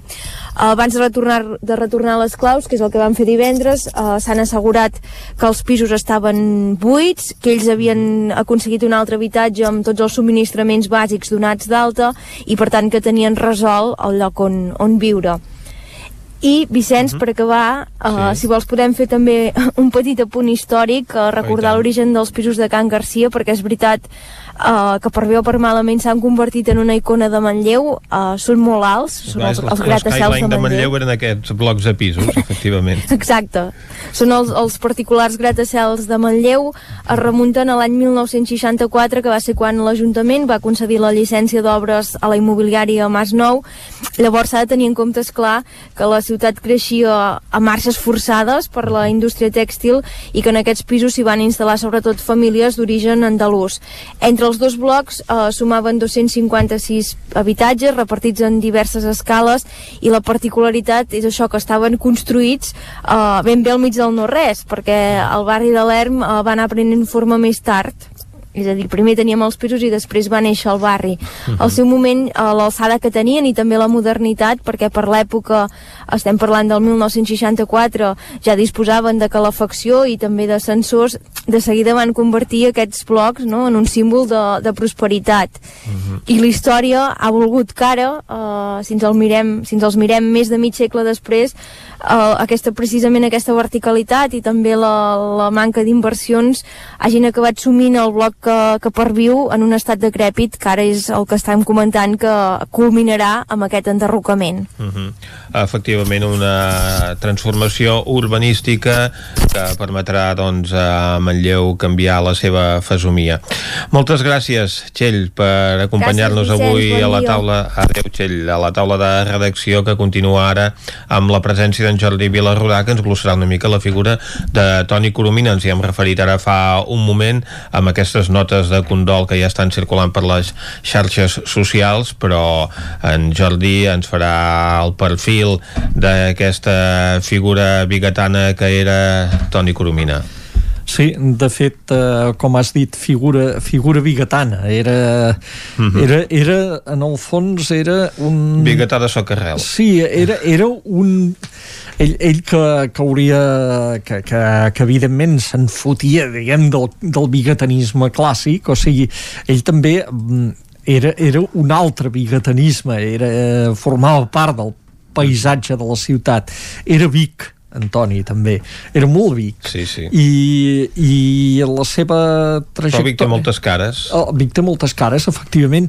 I ell i la seva generació van demostrar doncs, una, una cara diferent de Vic. Eh, Antoni es, el recordarem molts com el eh, protagonista primer i després cronista d'una generació aquesta generació que va eh, adoptar un, un paper contestatari però una mica anarquista, diguem, o sigui, en el final del, del, del franquisme, el, en, durant els 70s, fins i tot primers anys dels 80s, eh, va ser una generació que va assumir una postura contestatària, per dir-ho d'alguna forma, eh, respecte a, a, a la situació que hi havia en aquell moment i, i a la societat que hi havia, eh, però eh, des de, no des d'aquella militància conscient política, sindicalista, etc etc, sinó des d'una altra banda, des de la banda més, més àcrata, podríem dir. Uh -huh. eh, una, una, una mena d'anarquisme que es manifestava doncs, en, aquesta, en aquests moviments contraculturals que ell va descriure eh, excel·lentment en aquell llibre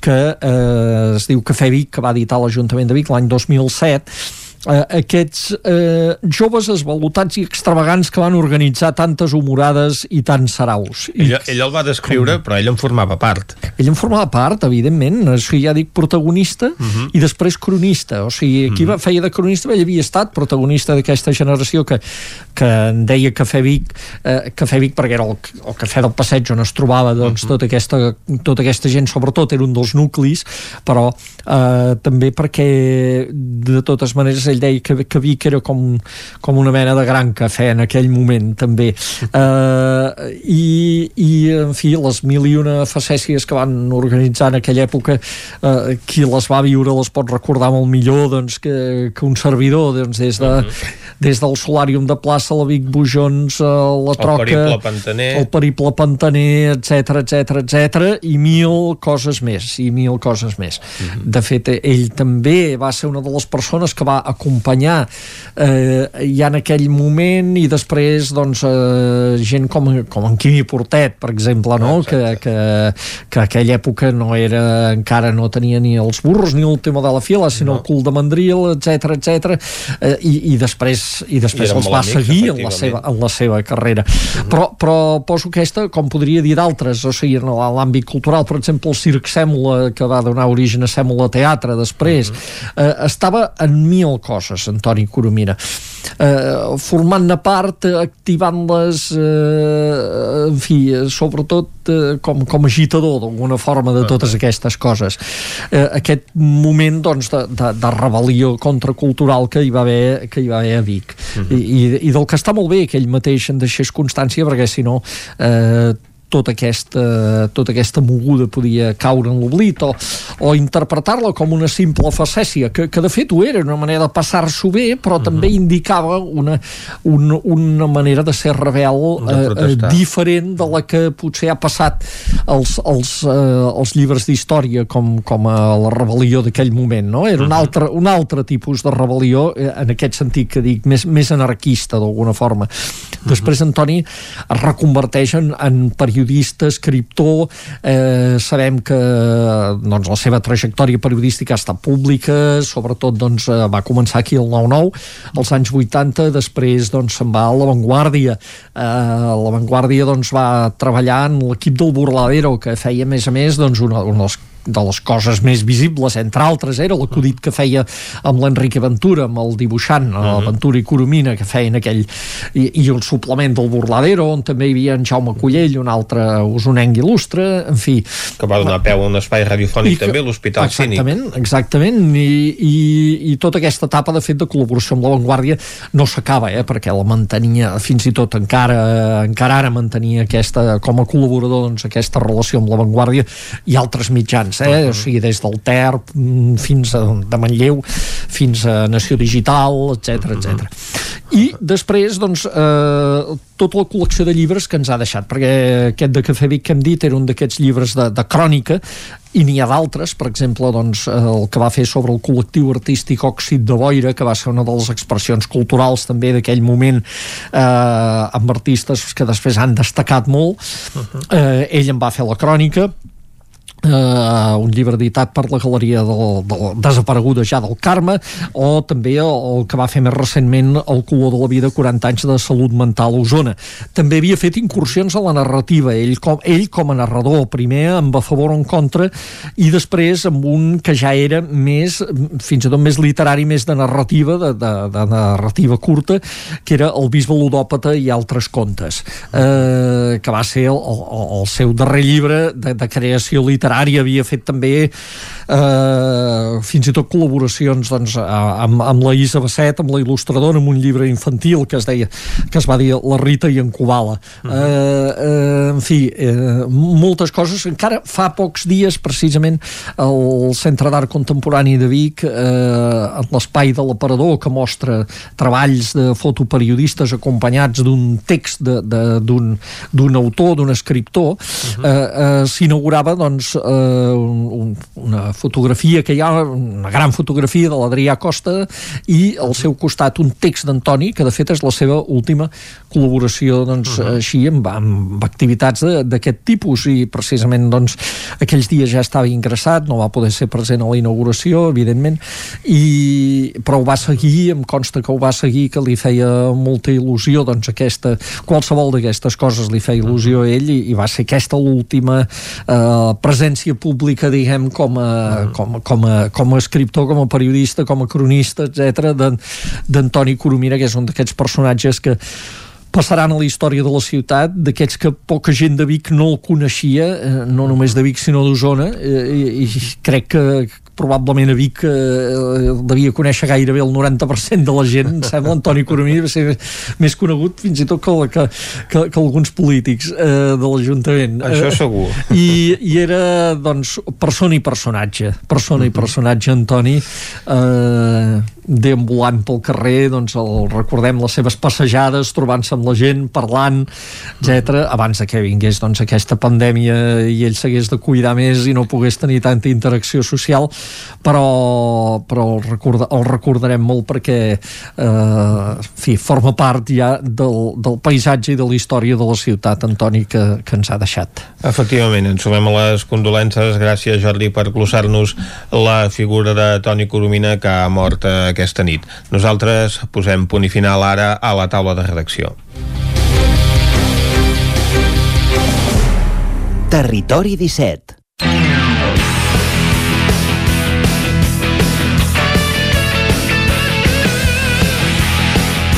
Tanquem la taula de redacció i el que ens toca ara és fer un repàs esportiu a com els ha anat el cap de setmana els equips del nostre territori.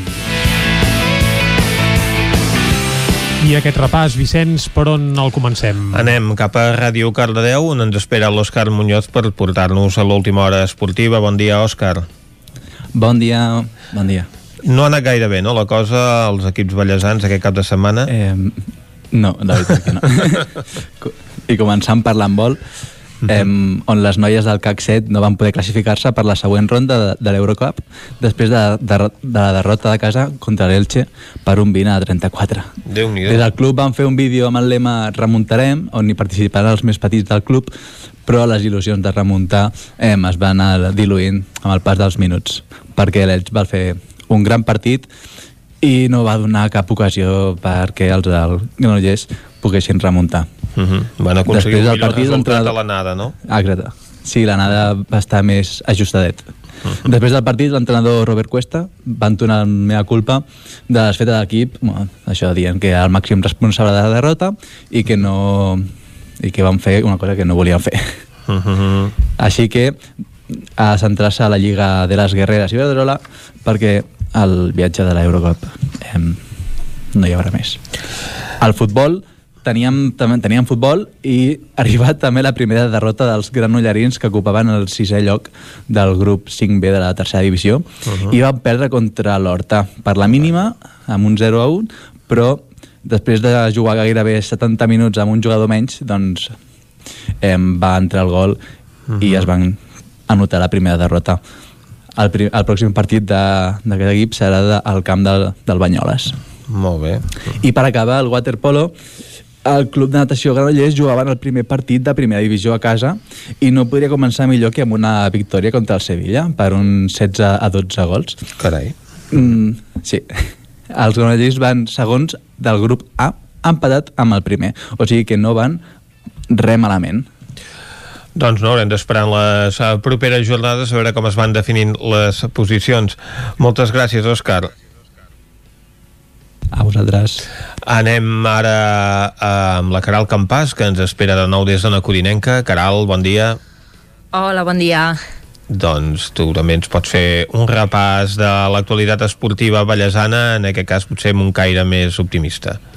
Molt més optimista. Tots els equips que tenim d'hoquei han guanyat aquí. Veus que bé? Mira, els codinencs, per part seva, que estan a l'Hockey Lliga Plata Sur, van fer un gran partit contra el Vilanova. Us comento una mica. Uh, el, un gol de Villa va posar al davant el Sant Feliu al minut 3, uh, però mig minut més tard el Vilanova feia l'empat. El marcador no es va moure més fins a la segona part, en què els codinencs, abans del minut 10, van obrir un forat amb el 4-1, amb gols de Villa, Fages i el nou fitxatge Figueres. Uh -huh. I les de, els del Garraf no van anar a baixar els braços i van reduir distàncies fins al 4 a 3. Al final, però, el Sant Feliu va sumar la segona victòria de la temporada i així se situa a la sisena posició de la taula amb 6 punts. I, per altra banda, els que també van tenir un bon partit van ser el rec amb les alcaldes. Uh, recordem que venien el cap de setmana passat d'un període d'inactivitat competitiva a causa de la pandèmia uh -huh. i van, van, bé, van perdre uh, àmpliament contra el Barça en reprendre aquesta competició des de, després d'aquest període inactiu i per tant Alcaldes necessitava recuperar bones sensacions i ho ha, ho ha aconseguit aquest cap de setmana amb una victòria solvent a la pista uh, d'un Mataró que mm, tampoc es va donar per vençut uh, fins al final. Us comento, uh, els d'Eduard Candami van dominar des d'un bon començament i van poder sentenciar el partit a l'inici de la segona meitat, però eh, no van aconseguir rematar la feina i una reacció del Mataró va fer tema una victòria que semblava al sac. De fet, eren 0 a 4 a favor d'alcaldes que auguraven aquesta segona meitat còmoda però eh, en aquesta segona part el Mataró va marcar l'1 a 4 i va ser aleshores quan Alcaldes no va saber rematar el partit. Els de Candami van tenir un parell d'ocasions clares per fer l'1 a 5 i l'1 a 6 però no van estar encertats de cara a porteria. Just després el Mataró, quan quedaven 5 minuts de partit, va fer dos gols molt seguits que els van ficar de nou a dins del maig i van fer trontallar una mica els calderins però tot just després van poder fer el 3 a 5 i va tancar aquest partit amb aquest 3 a 5 final. Uh -huh. I us acabo comentant el, el partit del Vigas femení que va guanyar per la mínima davant del Vilassana. Uh, va sumar una molt important victòria davant d'aquest, com deia, rival directe, el Vilassana. Uh -huh. eh, el Vigas va completar un molt bon partit i hauria pogut guanyar per una major diferència. Uh, les jugadores de Ramon Peralta van ofegar la sortida del Vilassana i en pocs tocs es plantaven ràpidament a la porteria. Al minut 13 de la primera part va arribar el 0 a 1. Uh, el gol va donar més confiança a les de Peralta, que van continuar creant sensacions de perill. Abans del descans, una jugada d'estratègia va posar el 0 a 2 i a la represa les locals van sortir amb la intenció de retallar les distàncies. Van fer-ho bastant, ràpidament van fer l'1 a 2 amb un contractat contraatac, perdó, i el Vigas però va aguantar les embestides del Vilassana i va poder sumar 3 punts importants. Aquest partit es tancava amb 1 a 2 i 3 punts molt importants perquè l'equip de Ramon Peralta era quart amb 12 punts i ara uh -huh. se situa en tercera posició amb 15 punts. Molt bé, doncs eh, moltes gràcies, Caral. A vosaltres. Anem a veure com està l'actualitat esportiva al Ripollès des de la veu de Sant Joan. Isaac Muntades. Bon dia, Vicenç. Bon dia doncs no hi ha activitat esportiva perquè doncs, evidentment si no tenim equips professionals ni competicions estatals no, no podem donar bones notícies l'única mm. bona notícia és que a partir d'avui com ja sabeu doncs eh, diferents eh, equips eh, amateurs podran començar a entrenar d'alguna manera per tant eh, esperarem suposo cap al mes de gener perquè torni una mica aquesta activitat més competitiva, veurem si, si haurem d'esperar més o no i, i us anirem uh, explicant doncs, com, com evoluciona, però de moment no, no tenim cap, cap activitat aquí al Ripollès per explicar-vos que s'hagi produït aquest cap de setmana. Mm, arriba ja el fred intens, per tant aquestes activitats d'entrenament a l'aire lliure doncs, tindran la seva dificultat. Sí, sí, exacte. De fet, eh, és, és, aquests dies ja fa bastant fred aquí al Ripollès, ja tenim el, avui ja tenim alguna temperatura sota zero fins i tot, -huh. uh, de bon matí, per tant, uh, al vespre també, que és quan han d'entrenar sobretot aquests equips amateurs, perquè evidentment doncs, durant el dia els jugadors doncs, treballen, doncs no poden entrenar i sí que hi ha aquestes dificultats. Per sort, com que es pot també entrenar dins de pavellons amb un aforament limitat, doncs uh, en alguns casos es pot solventar, però bé, ja, ja sabeu que és complicat aquí al Ripollès entrenar a l'hivern. I tant que sí. Gràcies, Isaac. A vosaltres. Anem ara nosaltres amb l'Ester Rovira que ens portarà l'actualitat esportiva d'Osona, que també ha estat un bon cap de setmana pels equips d'hoquei usonencs. Doncs sí, bon cap de setmana, especialment pel Club Atívic, que ha pogut sumar la, la primera victòria de la temporada a l'Hockey Lliga. Uh, les coses uh, doncs estaven costant uh, aquest any. Uh, L'equip només havia sumat un punt en, en un empat i aquest cap de setmana a casa que l'equip va poder agafar aire s'enfrontaven a, a una igualada que aquesta temporada doncs uh, ha tingut un, un molt mal... Té una altra cara, eh? sí. que no té res a veure amb la de la temporada no, passada. No, no, un molt mal inici que de fet ara mateix el situa QE a la classificació, s'enfrontaven uh mhm. -huh. els dos últims classificats de, de l'Hockey Lliga aquest dissabte a l'Olímpic de Vic i els biguetans que, que això uh, van ser millors que, que un Igualada més imprecís i poc encertat. De fet, la diferència va ser sobretot de cara a porteria, perquè és veritat que, que els dos equips doncs, uh, van jugar un partit uh, semblant de, de nivell, però, però el Vic aquesta vegada que va tenir molt més encert de cara a porteria i va poder aconseguir la, la victòria, per tant, important començar a, a sumar, uh mhm. -huh. encara que sigui uh, en el cas de, del Vic a la vuitena jornada ja de, de competició, perquè recordem que tenen uh, un partit pendent que serà el que jugaran aquest cap de setmana, uh, aquest dimarts, vull dir, uh, demà a casa contra, contra Alcaldes, que és que, el, que, tenien, que tenien pendent. Um, això en el cas de, del Pativic també va poder sumar 3 punts al, al Voltregà uh, en el seu cas a casa contra el Calafell per 4-2 en un molt bon partit dels de Sant Hipòlit que recordem que, que es troben en unes setmanes uh, ajustades, apretades de, de partits perquè uh, doncs van jugar el cap de setmana, van jugar dimecres contra el Liceu, uh, aquest diumenge contra el Calafell, dimecres visiten el, el Lloret uh, uh -huh. perquè com que van estar un mes sense jugar per, uh, per acumulació de, de dos positius de, de coronavirus i per tant uh, eh, dues quarantenes seguides, uh -huh. doncs l'equip tenia molts partits pendents eh, i els han d'acabar de, de, de disputar abans d'acabar l'any, per tant són setmanes intenses de doble partit cada setmana, uh -huh. però bé, eh, en aquest cas doncs les coses que els van sortir bé i ara dimecres toca visitar el, el Lloret.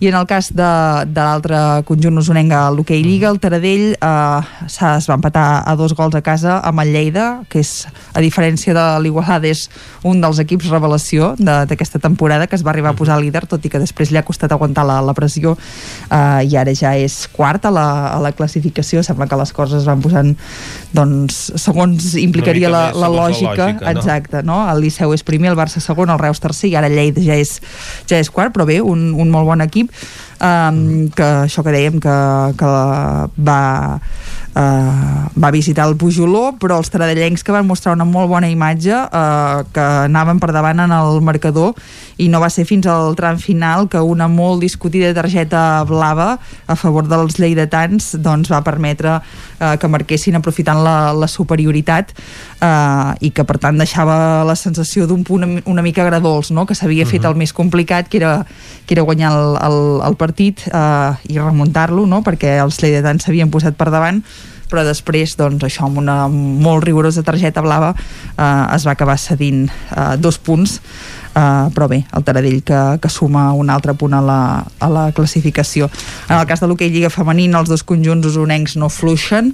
Uh, el Voltregà va jugar a casa contra el Sant Cugat dissabte uh, en un partit en què doncs, uh, les coses uh, va portar el domini en tot el moment i les coses se li van posar de cara podent situar un 3 a 0 al marcador, uh -huh. però després va tenir uns 4 o 5 minuts que ja li ha passat algun altre dia doncs allò de, de certa desconnexió i el rival que es posa amb un 3 a 2 i per tant després acabes patint una mica més, de, més del compte, eh? van fer el quart però novament el Sant Cugat que és un equip molt jove, molt ràpid, eh, amb molta possessió de bola, eh, va també fer el 4-3, però bé, al final es va poder salvar la, la victòria contra un rival directe en el grup B, a la part alta del grup B, per tant, això, el Voltregà que, que se situa eh, còmodament en aquesta segona posició, només té un punt per davant al, al Palau, -huh. i en el cas del grup A, el Manlleu continua sense, en aquest cas sí que encara més, sense fluixar, perquè el Voltregà eh, a la primera volta va patir una derrota justament contra el Sant Cugat i va cedir un empat amb el Palau, però en canvi el Manlleu eh,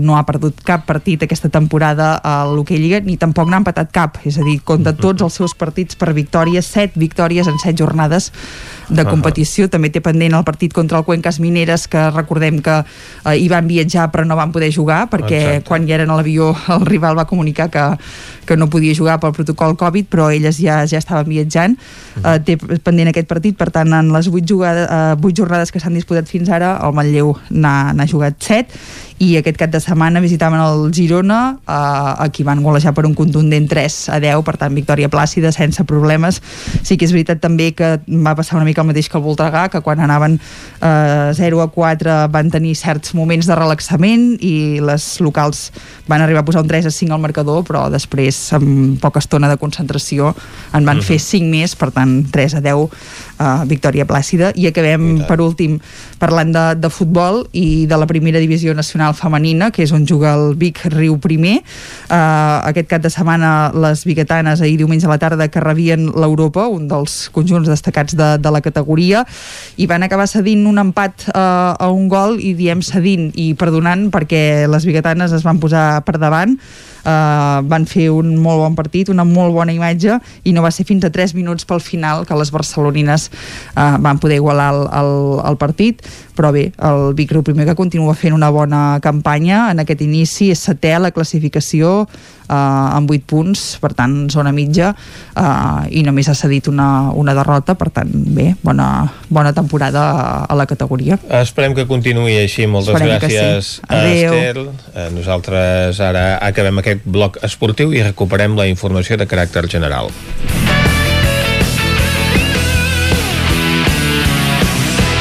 10 segons i seran les 11 i 2 minuts i en aquest punt us acostem de nou la informació de les nostres comarques, les comarques del Ripollès, Osona, el Moianès i el Vallès Oriental. Territori 17, amb Vicenç Vigues i Jordi Sunyer.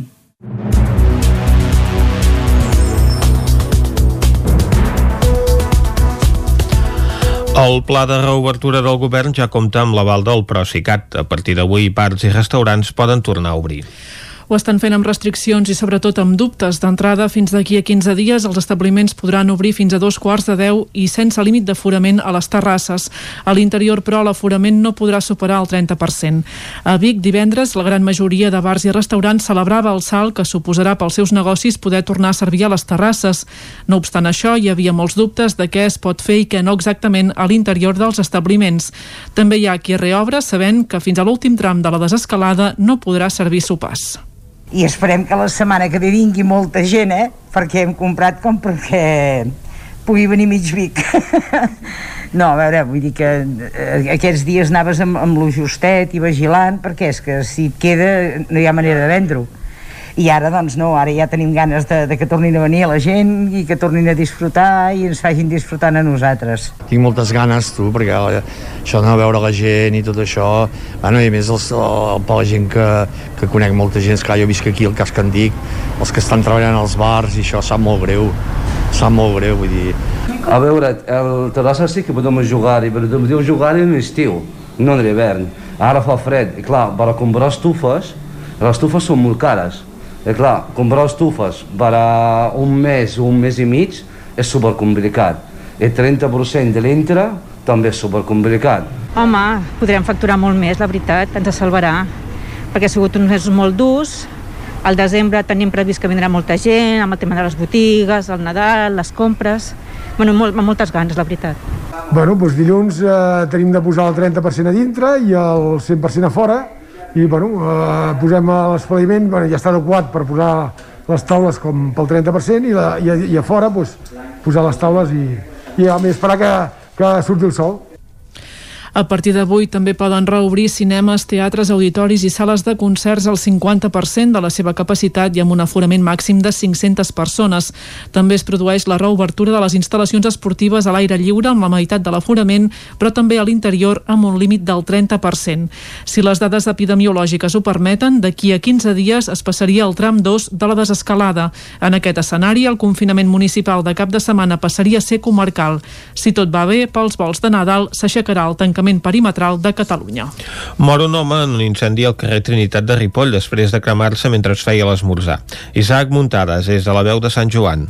En només una setmana de diferència hi ha hagut dues persones que han mort en un incendi a Ripoll. En aquesta ocasió ha estat un home de 84 anys que vivia sol al primer pis del carrer Monestir, just a l'encreuament amb el carrer Trinitat, en ple barri vell, i que, segons els Mossos d'Esquadra, hauria mort arran de les cremades accidentals que s'hauria fet mentre escalfava l'esmorzar després que se li cremés la roba. Per aquest motiu va sortir al balcó i va morir allà. El sinistre es va produir cap a dos quarts de nou del matí de divendres i fins allà s'hi van mobilitzar un camió de bombers, quatre dotacions dels Mossos d'Esquadra, dues ambulàncies del Servei d'Emergències Mèdiques i també membres membres de la policia local. Fins poc després de dos quarts deu del matí, els carrers adjacents del lloc de l'incendi es van tallar. Els investigadors dels Mossos van preguntar a diversos veïns de la zona per si algú havia vist què havia passat. Des de l'Ajuntament de Ripoll es va alertar que algú havia gravat els fets en vídeo i que estaven circulant per les xarxes socials i va demanar que no es compartissin i visualitzessin. Cal recordar que el passat divendres 13 de novembre ja va morir un home de 61 anys en un incendi al carrer Indústria número 35. En aquella ocasió els fets van passar pocs minuts abans de les 5 de la matinada i el fum va omplir l'habitatge per complet. Els serveis d'emergència van haver d'atendre la seva dona de 58 anys per una intoxicació lleu. L'Ajuntament de Cardedeu ha engegat una campanya per arribar a totes aquelles persones de més de 80 anys que resideixen al municipi i que des dels serveis socials no tenen identificades. Els serveis socials més a prop és el nom d'aquest programa que vol explicar a totes aquestes persones quins serveis s'ofereixen des del consistori. David Auladell, de Ràdio Televisió, Cardedeu. Ajuda al domicili i auxiliar de la llar o teleassistència són alguns dels serveis que l'Ajuntament ofereix a les persones de més de 80 anys que poden tenir algun tipus de necessitat. Ara han engegat un programa per poder localitzar persones grans que puguin ser usuaris potencials però que no ho saben. Laia Muñoz, regidora de Serveis Socials. Podrien ser usuaris potencials d'un servei d'atenció domiciliària perquè o bé perquè tenen alguna dependència o bé perquè no tenen xarxa familiar o bé perquè no tenen recursos econòmics i ho desconeixen i mai s'han apropat a la porta. No? Llavors és una manera de nosaltres apropar-nos a aquestes persones, que és anar al seu domicili, recomanem que amb aquesta entrevista no només hi hagi vagi la persona potencialment usuària, sinó que si té un cuidador o cuidadora o un familiar que hi pugui estar present, doncs ho, ho recomanem, perquè així garantim que també la informació eh, doncs arribi. Amb la Covid-19, l'ús dels serveis que ofereix l'Ajuntament han canviat dràsticament i és que moltes de les persones usuàries s'han donat de baixa per por i d'altres s'han donat d'alta en altres serveis. Laia Muñoz. La primera onada de la pandèmia, moltes persones es van donar de baixa, per exemple, del servei d'atenció domiciliària per por, no? bàsicament perquè tenien por i preferien doncs, eh, no tenir contacte amb persones externes o bé perquè la mateixa cuidadora ja sigui la treballadora familiar o l'auxiliar de la llar, eh, doncs havia agafat el virus i per tant no podia fer el, el servei. Llavors sí que va haver-hi una baixada important. No? Llavors ara s'està tornant a, a estabilitzar en aquest mes d'octubre. Actualment els serveis estan funcionant al 100%, però els programes, malauradament, s'han vist afectats per les restriccions. Tot i això, n'hi ha alguns, com el taller de memòria o d'ajuda mútua, que segueixen actius. Ha aprovat inicialment el conveni entre el Consorci del Moianès i l'Ajuntament de Moià per instal·lar un escorxador de baixa capacitat a Moià. Caral Campàs, des d'Ona Codinenca. El conveni per fer realitat un escorxador de baixa intensitat per animals bovins i de cabrú al Moianès ha fet un pas més al ser aprovat a l'últim ple municipal de Moià amb els vots a favor de l'equip de govern d'Ara Moià i el suport del PSC. L'alcalde Dionís Guiteres explicava els beneficis de tenir aquest equipament al municipi per poder donar aquesta oportunitat de que els ramaders busquin de quina manera poden comercialitzar eh, d'una manera més eficient els seus productes i, i que aquests rèdits els quedin ells i no intermediaris. Per tant, és una startup, és un escorxador, però és un niu és una, un niu d'oportunitats i de transferència tecnològica per totes aquelles ramaders i ramaderes que vulguin que ampliar la seva, les, la seva economia i el seu, el seu àmbit de negoci. L'oposició va votar en contra del projecte. Tant Junts per Mollà com Capgirem Mollà qüestionen la ubicació del futur escorxador a tocar d'altres equipaments municipals. De fet, des de la formació de l'esquerra independentista proposaven que l'escorxador fos en un altre municipi de la comarca. Didac Rimoldi és regidor de Capgirem Mollà. Uh, té, o sigui, una, qüestionem que realment un servei com aquest, tenint en compte que ja teníem un escorxador Mollà a Mollà, és a dir, hi ha molts altres municipis a, a, a, a la comarca i per tant doncs, possiblement era una oportunitat, ja que des del Consell Comarcal es parla de, de centralitzar algunes de, no, els projectes i, les, i els serveis, doncs aquesta era una oportunitat també per descentralitzar i treure pressió al poble mollà, que ja té tota pressió. L'escorxador de baixa intensitat és una demanda dels ramaders de la comarca que es veuen obligats a desplaçar-se fins a zones com Vacarisses o Manlleu perquè els escorxadors de la zona només maten porc. Guiteres veu el projecte de la Diputació de Barcelona com una inversió interessant pel món rural. Durant els últims anys, la venda de productes de tot tipus per internet no ha parat de créixer. Aquesta tendència ara s'ha accentuat, especialment per l'impacte de la pandèmia. No obstant això, hi ha alguns comerços que per la seva petita dimensió encara hi tenen difícil accés. Per contribuir a resoldre-ho, el 9-9, conjuntament amb la plataforma L'Oriun, posa en marxa a través de la seva pàgina web un servei batejat amb el nom de comprapropera.cat que pretén ajudar els petits comerços, restaurants i serveis de proximitat a beneficiar-se de la potencialitat del comerç en línia. El projecte pretén facilitar que tots els establiments comercials, amb independència de la seva dimensió, puguin vendre els seus productes per internet. I per fer-ho cal eliminar barreres. Una de les principals sol ser la burocràcia dels pagaments i cobraments. Això ho resol la plataforma. Per vendre a través de comprapropera.cat no cal fer gestions amb cap entitat financera ni tan sols disposar d'una pàgina web. L'únic requisit és registrar-se a la plataforma i posar a l'aparador els productes que es vulguin oferir. Aquest servei obert a tothom s'ofereix a través del 99.cat perquè, segons les últimes dades d'audiència, la pàgina web registra diàriament una mitjana de més de 20.000 usuaris únics. D'aquesta manera, el 99, com a mitjà de comunicació especialitzat en informació de proximitat, fa un pas més en, en suport del comerç local perquè tots els establiments que ho desitgin disposin d'un canal addicional de venda. Aquesta iniciativa se suma a la campanya encara vigent de suport a bars i restaurants en què s'ha publicat gratuïtament l'oferta de menjar per emportar tant a la web com a l'edició en paper. El mac usonenc Jordi Pota s'estrena com a presentador del seu propi Late Night. El programa Local 15 es grava al seu local a Tona i es podrà veure cada dissabte a les 9 del vespre a YouTube i al Nou TV. El primer episodi, d'uns 25 minuts, ja es va estrenar aquest dissabte. El programa té l'estructura típica del format, un monòleg, entrevistes, molt d'humor i, en aquest cas, màgia. El primer programa, el de l'estrena, va ser amb el mag Pere Rafart. Entre els futurs convidats dels primers programes també hi ha l'humorista Pep Plaza. Ho va explicar a Pota al nou magazín del Nou TV. Va ser un projecte que dic, això es podrà fer. Uh -huh. Això és una cosa que podrem fer en el meu local, eh, es podrà gravar, es podrà emetre a xarxes socials i és una feina i que mirarem de que vagi sortint i que es pugui, es pugui vendre. El contingut, ostres, trobarem com un late night. Un late night hi ha un petit monòleg... Al principi, que... monòleg? Sí, petit monòleg, però molt diferent, perquè uh -huh. jo no sóc en Buenafuente, no sóc en Broncano, no sóc cap d'aquests, per tant, jo faig el meu estil, la manera de fer.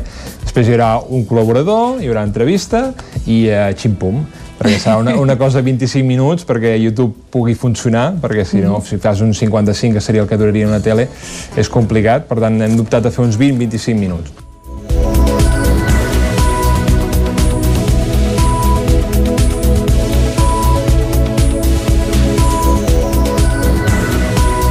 El programa compta amb col·laboradors fixes com és el cas de Ramó, també l'acompanya un grup de persones totes joves a l'equip tècnic i de so.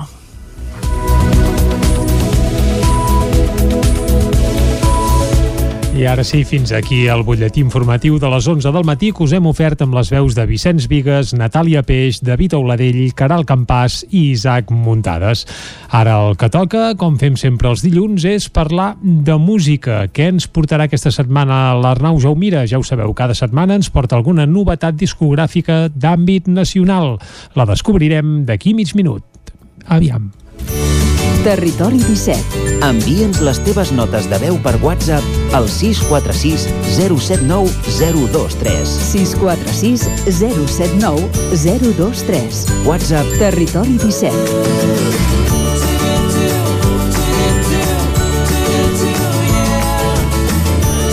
Territori 17. Som a Facebook, Twitter i Instagram amb l'usuari Territori 17.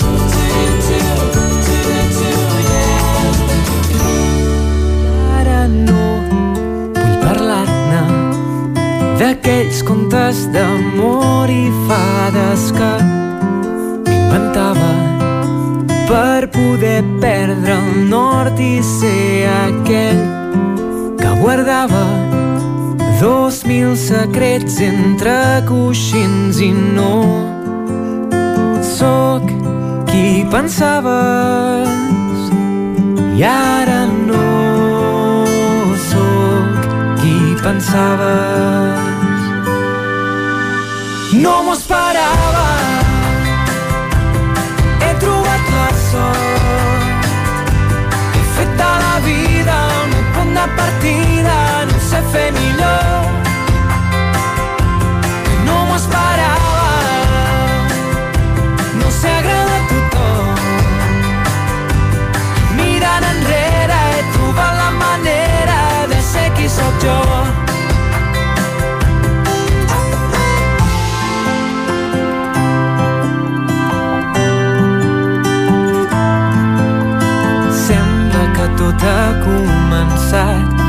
fent un gran salt amb un comiat i sento que res serà Doncs passen 10 segons d'un quart de 12 del migdia, ja tenim l'Arnau Jaumira aquí, Vicenç, i avui em sembla que ens porta un timbre que a mi em sona i molt, eh? Ah, doncs a veure, a veure qui és el convidat que ens porta avui l'Arnau Jaumira. Arnau Jaumira és l'autor de l'Escriurem, eh? Segurament Això mateix, una de les sí, cançons sí. que més han sonat durant el confinament. Un himne, eh? Sí, sí. Jo crec que n'ha fet versions tothom. Sí, sí, sí. Uh, però ara n'hi ha més, oi? Sí, i és que hi ha arribat el segon disc de Miqui Núñez, aquest eh, de, doncs, compositor de Terrassa, sortit d'Operació Triunfo, que es va donar a conèixer, però que ràpidament se'n va desmarcar i encara se'n desmarca més amb aquest, amb aquest segon disc, eh? que, que segurament és més, és més íntim, eh, no és tan...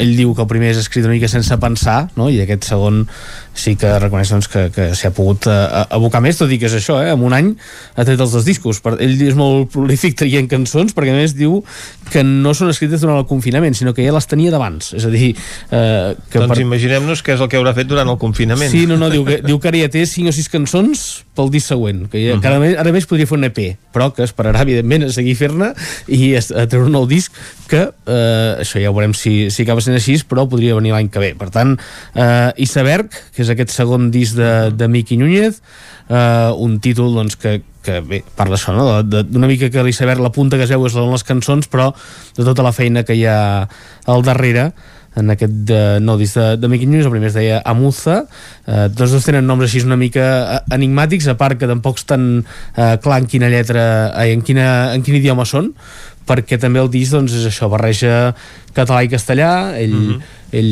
ell diu això no? que ell amb els seus avis parla castellà que amb la seva família en part parla català i bé, doncs amb aquest, aquest, aquesta normalitat no? doncs fa aquesta barreja de català i castellà uh, com deia en, en Jordi escriurem va ser un dels himnes del confinament però també va ser Me Vale perquè va ser una de les cançons que va treure a mig no? perquè sortir el 9 de maig i és una d'aquelles cançons que també s'ha escoltat eh, molt durant el confinament i que ara també forma part d'aquest disc. De fet, hem escoltat, hem, hem començat escoltant l'última, hem començat pel final, amb aquest No m'ho esperava, que és una cançó doncs, que ell diu que no s'esperava la, la, que primer tot que tanta gent escoltés la seva música però alhora que fos tan complicat agradar a tothom no? que és una mica una mica una barreja de sensacions positiva i negativa eh, després de sortir d'OT eh? ell diu que després d'OT i d'Eurovisió doncs li va quedar una mica eh, això, aquesta sensació de no, que no s'esperava tan rebombori al seu voltant. Uh -huh i el que vam escoltar és això, Me, uh, Me Vale, que és la segona cançó d'aquest uh, disc de, de Miqui Núñez. Te juro que ya no me importa que me despierte a medianoche con tal de compartir deshoras y no me importa, no importa que todo se rompa al final. Poder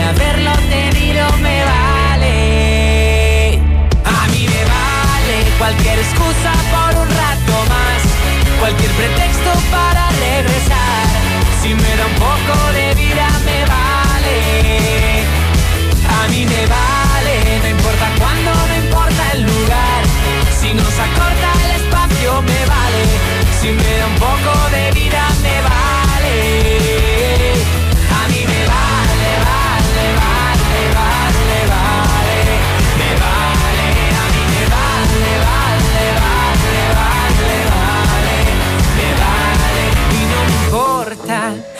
hace mucho no me importa Se para el tiempo Aquesta sona hit eh, radiable totalment i a més una mica festiu també, eh? Sí, sí, sí, és una, una barreja d'això, eh? I aquest disc el defineix una mica com a pop rock, eh, barreges de, de, de cançons festives. La, la, la que hem escoltat primer era una mica la, la que enganyava, eh? Perquè la final era una mica balada. Sí, més començava uh, just amb veu guitarra. Sí, era una, és una balada amb la que acaba el disc, però, però és això, la, la majoria del disc són en aquest, en aquest estil, aquesta Me Vale, que, que bé, ell diu que que després d'iniciar de, la relació que ara té amb la, la seva parella, també és, que també és cantant, és la Sara Roy, de, de Manresa, ex-Macedònia, i doncs eh, ell es va donar doncs, de que de que bé, de que, de que, li, eh, de que per tal de ser feliç li, li, li era una mica igual la resta de coses, no? I que per tant me vale, que qualsevol cosa li, li està bé si és, si és feliç. I és el que ve dir aquesta cançó, que com dèiem va treure durant el confinament, va sortir el 8 de maig i ja porta gairebé 11 milions de reproduccions a Spotify i 5 a YouTube. Vull dir que Déu-n'hi-do, déu nhi déu és un... va, va, va llançat a Miqui Núñez que, que és això, eh? va treure Muza l'any passat i va arrasant la seva gira de presentació en la majoria de llocs amb entrades exaurides. I ara veurem doncs, a veure si segueix en aquest eh, segon disc que, que bé, doncs, ha tingut bona rebuda de moment per les xarxes socials, va sortir divendres per tant la gent encara païnt-lo segurament, però, però això... No... Per cert, que d'aquí res, d'aquí poc, ara que deix de gira, passa per, per sí, Vic, em sembla. Eh? Sí, en principi l'11 de desembre està prevista l'Atlàntida. Uh, el que haurem de veure és que aquell, aquell, aquell concert de Messias a preveure com, era com un concert de presentació de Muza, del primer disc. Mm. Ara ja tens el segon, però com que és un d'aquells que s'ha anat ajornant, eh, no ah, sé què acabarà, què, què acabarà fent. Què farà, eh? Què farà? Sí, no sé si serà de presentació... Clar, no tenia gaire sentit que acaba de treure el segon i faci una presentació del primer. Eh, per tant, veurem què haurà de fer Miqui Núñez. A veure què canta. Sí, i a veure si es pot eh, acabar fent, esperem que sí, 11 de desembre, en principi, a l'Atlàntida de, de Vic. El que escoltem ara ja de fons és una, una cançó que podria semblar que té relació amb Osona, però no, perquè es, es diu Sin Notícies de GURB, Home, però, pel topònim, sí, pel topònim eh? sí, però evidentment fa referència al llibre d'Eduardo de, Mendoza, uh mhm. -huh. i bé, és una, una cançó que jo crec que si l'escoltem una mica podem reconèixer una mica l'estil Eh, uh, ja, Jordi, si el vam tornar a posar des del, des del principi, jo crec que ens, ens, ens pot recordar un estil de, de música d'algun grup uh, de pop espanyol, segurament. Doncs va, des del principi. Va.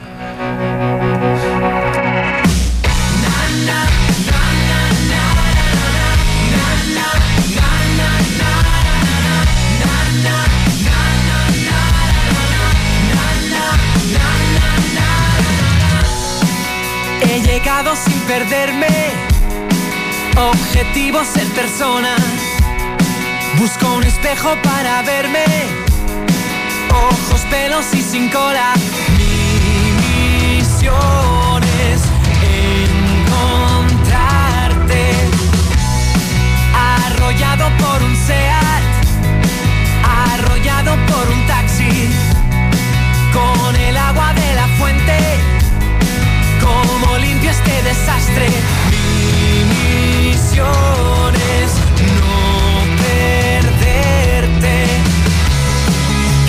Doncs no sé quin grup de pop, rock espanyol... Bé, n'hi ha molts, eh, que es Sí, podrien ha associar amb aquesta molts. sonoritat, però amb quin pensaves, Arnau? No, no, pensava, i a més ho han dit ells, eh, que, que hauria de sonar el Canto del Loco una part, perquè, eh, doncs, eh, la, de fet, l'ha compost amb, amb, en, eh, amb en David Otero, que era guitarra de, del Canto del Loco i que és, és amic seu, i que doncs, eh, van fer aquesta, aquesta cançó que, que això parlava de la vida de l'extraterrestre això no, eh, no ens afecta en el, en el tema de la, de, de la composició però és això, ell diu que ha agafat una mica l'estil de, del Canto del Loco perquè doncs, l'ha de fer amb, amb David Otero doncs, que, que, que evidentment es deixava portar per les seves, eh, els seus orígens no? amb aquest Canto del Loco que jo crec que sí que té una, una part, eh? si, si t'ho diuen segurament sí, eh? no, sobretot pel tema guitarres, sí. Sí. que aquestes guitarres afilades en distorsió de fons, que l'acosten Sí. molt més, evidentment, al rock que no pas al pop, doncs per aquí ens hi podríem acostar, i tant que sí. Correcte, i bé, és un, un disc que n'han dit està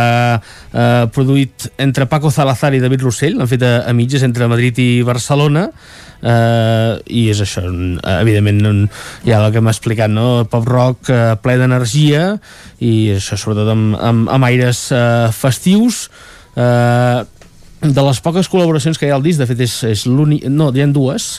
Uh, la primera la trobem en una cançó que és uh, Mirat català i mirat castellà. Es diu Arbre i és una cançó que, que doncs, també té la col·laboració, com dèiem, de, de Lil Dami.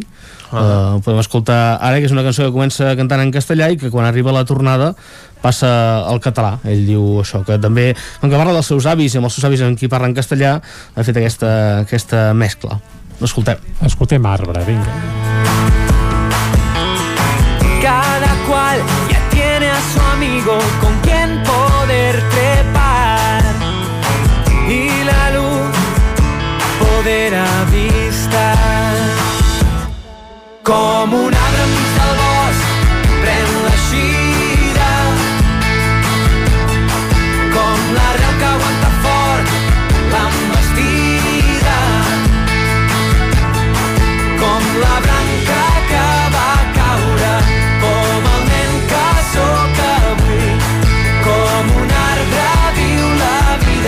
això és el que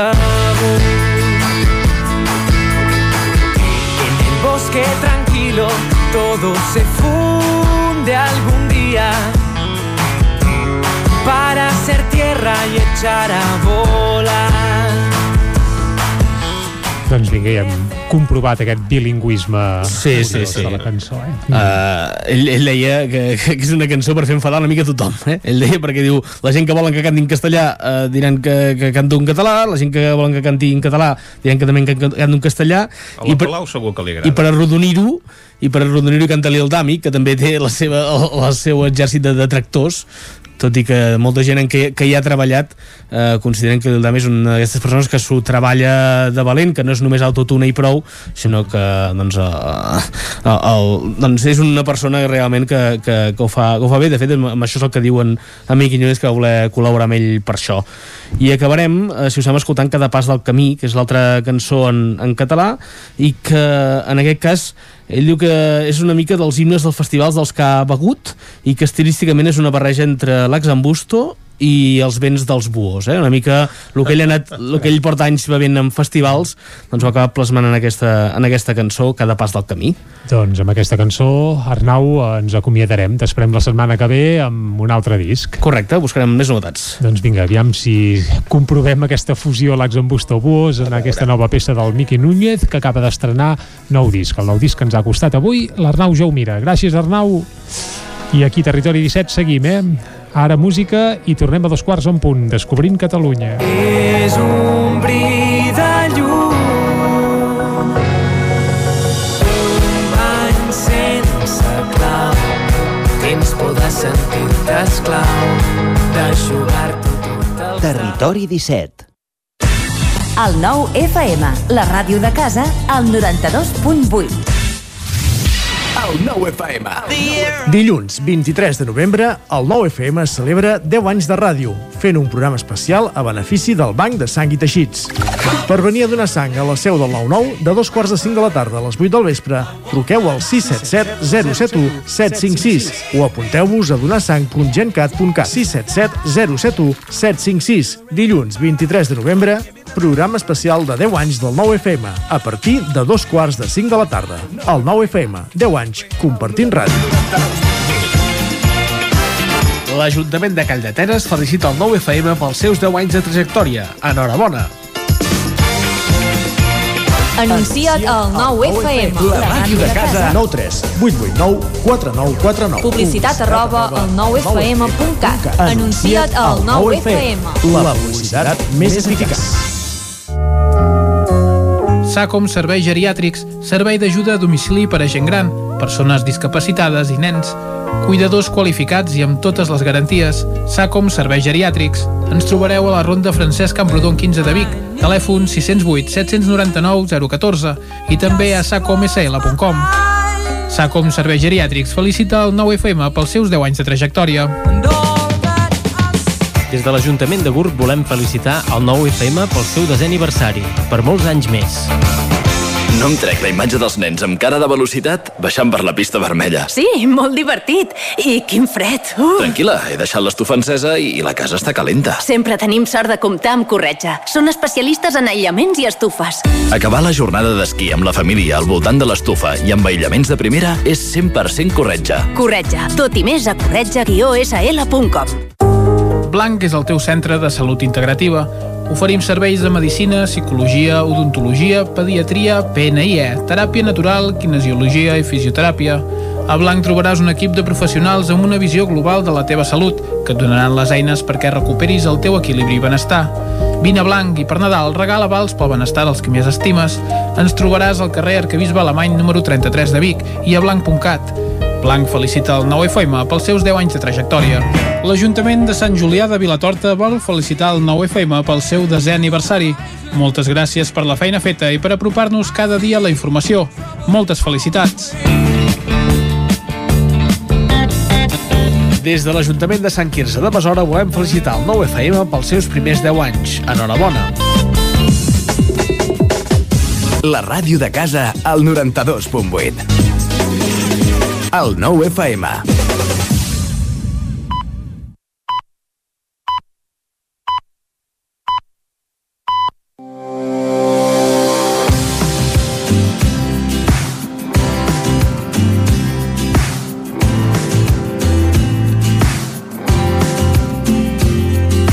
Com sempre, nova setmana, nova comarca i avui toca descobrir la comarca del Vallès Occidental.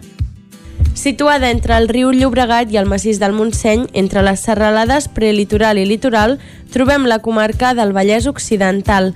La comarca ofereix múltiples opcions per a totes les edats, els rius, els paisatges, la natura, la restauració i el patrimoni. Si sou amants de les rutes de senderisme, heu de fer una excursió pel Parc Natural de Sant Llorenç del Munt i l'Ubac. Una de les opcions que teniu és pujar pel Camí dels Monjos fins al cim de la Mola. A més a més, una vegada heu fet el cim, trobareu un regal, al monestir de Sant Llorenç del Munt, un dels monuments més emblemàtics de la zona. Per acabar de fer el pla perfecte, aneu a menjar al restaurant més alt del Vallès, el restaurant La Mola, on podreu gaudir de la millor cuina catalana o senzillament feu un pícnic a qualsevol racó de la muntanya. Una altra opció que teniu és passejar per la serra de l'Ubac per gaudir de les vistes de Sant Llorenç de Munt i també de la increïble serralada de Montserrat. I si us agrada conèixer productes de proximitat, la Diputació dels Parcs organitza un programa al Parc a Taula per conèixer els productes i productors artesans del territori. Una altra de les opcions és passejar pel riu Ripoll.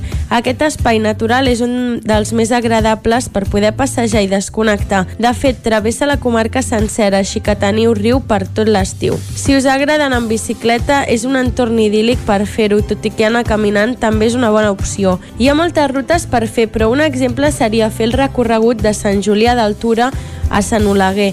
Feu l'itinerari que feu, obriu bé els ulls perquè la zona està plena de patrimoni que heu de veure, com també de molta fauna, com ara ànecs, corps marins o bernats pescaires. I si us agrada l'època medieval, aquesta comarca és plena de joies de l'època, com per exemple la Seu Égara de Terrassa, un conjunt monumental d'origen paleocristià. El monestir de Sant Cugat és un dels més poderosos del comtat de Barcelona, o el castell de Plegamans, que és un edifici gòtic del segle XIV, i l'església de Santa Maria de Barberà, coneguda com la Romànica. Aquests són només alguns dels monuments que té el territori entre tots els que us estan esperant i per si no n'hi hagués prou, en algun d'ells organitzen visites guiades i esdeveniments culturals. I avui, per acabar, parlem de la gastronomia del Vallès Occidental. Té una gastronomia plena, variada i única. Hi trobareu productes singulars com el tomàquet mandó, l'oli de bacaruda o la botifarra tarragada. A més a més, hi ha molt bona fama de bons pastissers i forners, així que les postres que provareu també estan boníssimes. Podeu tastar la coca de vidre, les belgues de Sabadell, els xaumets d'Ullastrell i els dàcars de Terrassa, entre molts altres dolços que acabaran de fer els vostres àpats rodons. Territori 17. I del Vallès Occidental anem ara cap a la R3. A Tren d'Alba, cada dia els usuaris de la línia R3 de Rodalies que veuen sortir el sol des d'un vagó ens expliquen les gràcies i les penes del primer comboi que uneix Ripoll i Barcelona. Benvinguts a Tren d'Alba. Avui, com us vaig prometre divendres, us acabaré d'explicar la queixa del col·lectiu perquè no ens fotin el tren sobre l'eliminació de sis combois a principis de setembre entre Granollers i l'Hospitalet de Llobregat. Des d'aquesta plataforma consideren inacceptable que el Departament de Territori i Sostenibilitat menteixi i vulgui confrontar els usuaris del nord i del sud de la línia. Segons diuen, abans de la pandèmia, el semidirecte de Ripoll, Vic, Barcelona circulava amb normalitat alhora que circulaven els altres sis trens que es van eliminar. La circulació d'aquest tren, doncs, no impedeix de cap de les maneres la circulació dels altres. Finalment, també volen constatar que l'ampliació de la C-17 demostra una cosa que ja saben, que és la necessitat de desplaçament de la gent i de les mercaderies de les comarques de l'R3, una necessitat que, malgrat la situació que estem vivint i l'emergència climàtica, el govern de Catalunya, segons apunten, vol resoldre amb el transport privat i no pas amb una aposta decidida pel transport públic. Per això volen que aquests sis trens tornin a estar operatius. Us deixo ja amb la crònica de la Núria d'avui. Bon dia des de R3. Avui fa un dia assolellat. Hem sortit de Vic amb 5 graus de temperatura, tot i que fotia un fred que pelava. Només dos minuts tard de l'hora que estava previst que el tren sortís. També us diré per això que hem parat a Balanyà i que allà eh, el tren ja ens esperava. Suposo que era el que habitualment ja trobem que puja cap a Ripoll. Tot i així, quan ha marxat aquest tren encara ens hem hagut d'esperar una bona estona. No ho sé, potser feien perquè no ens acostuméssim a que anés d'hora.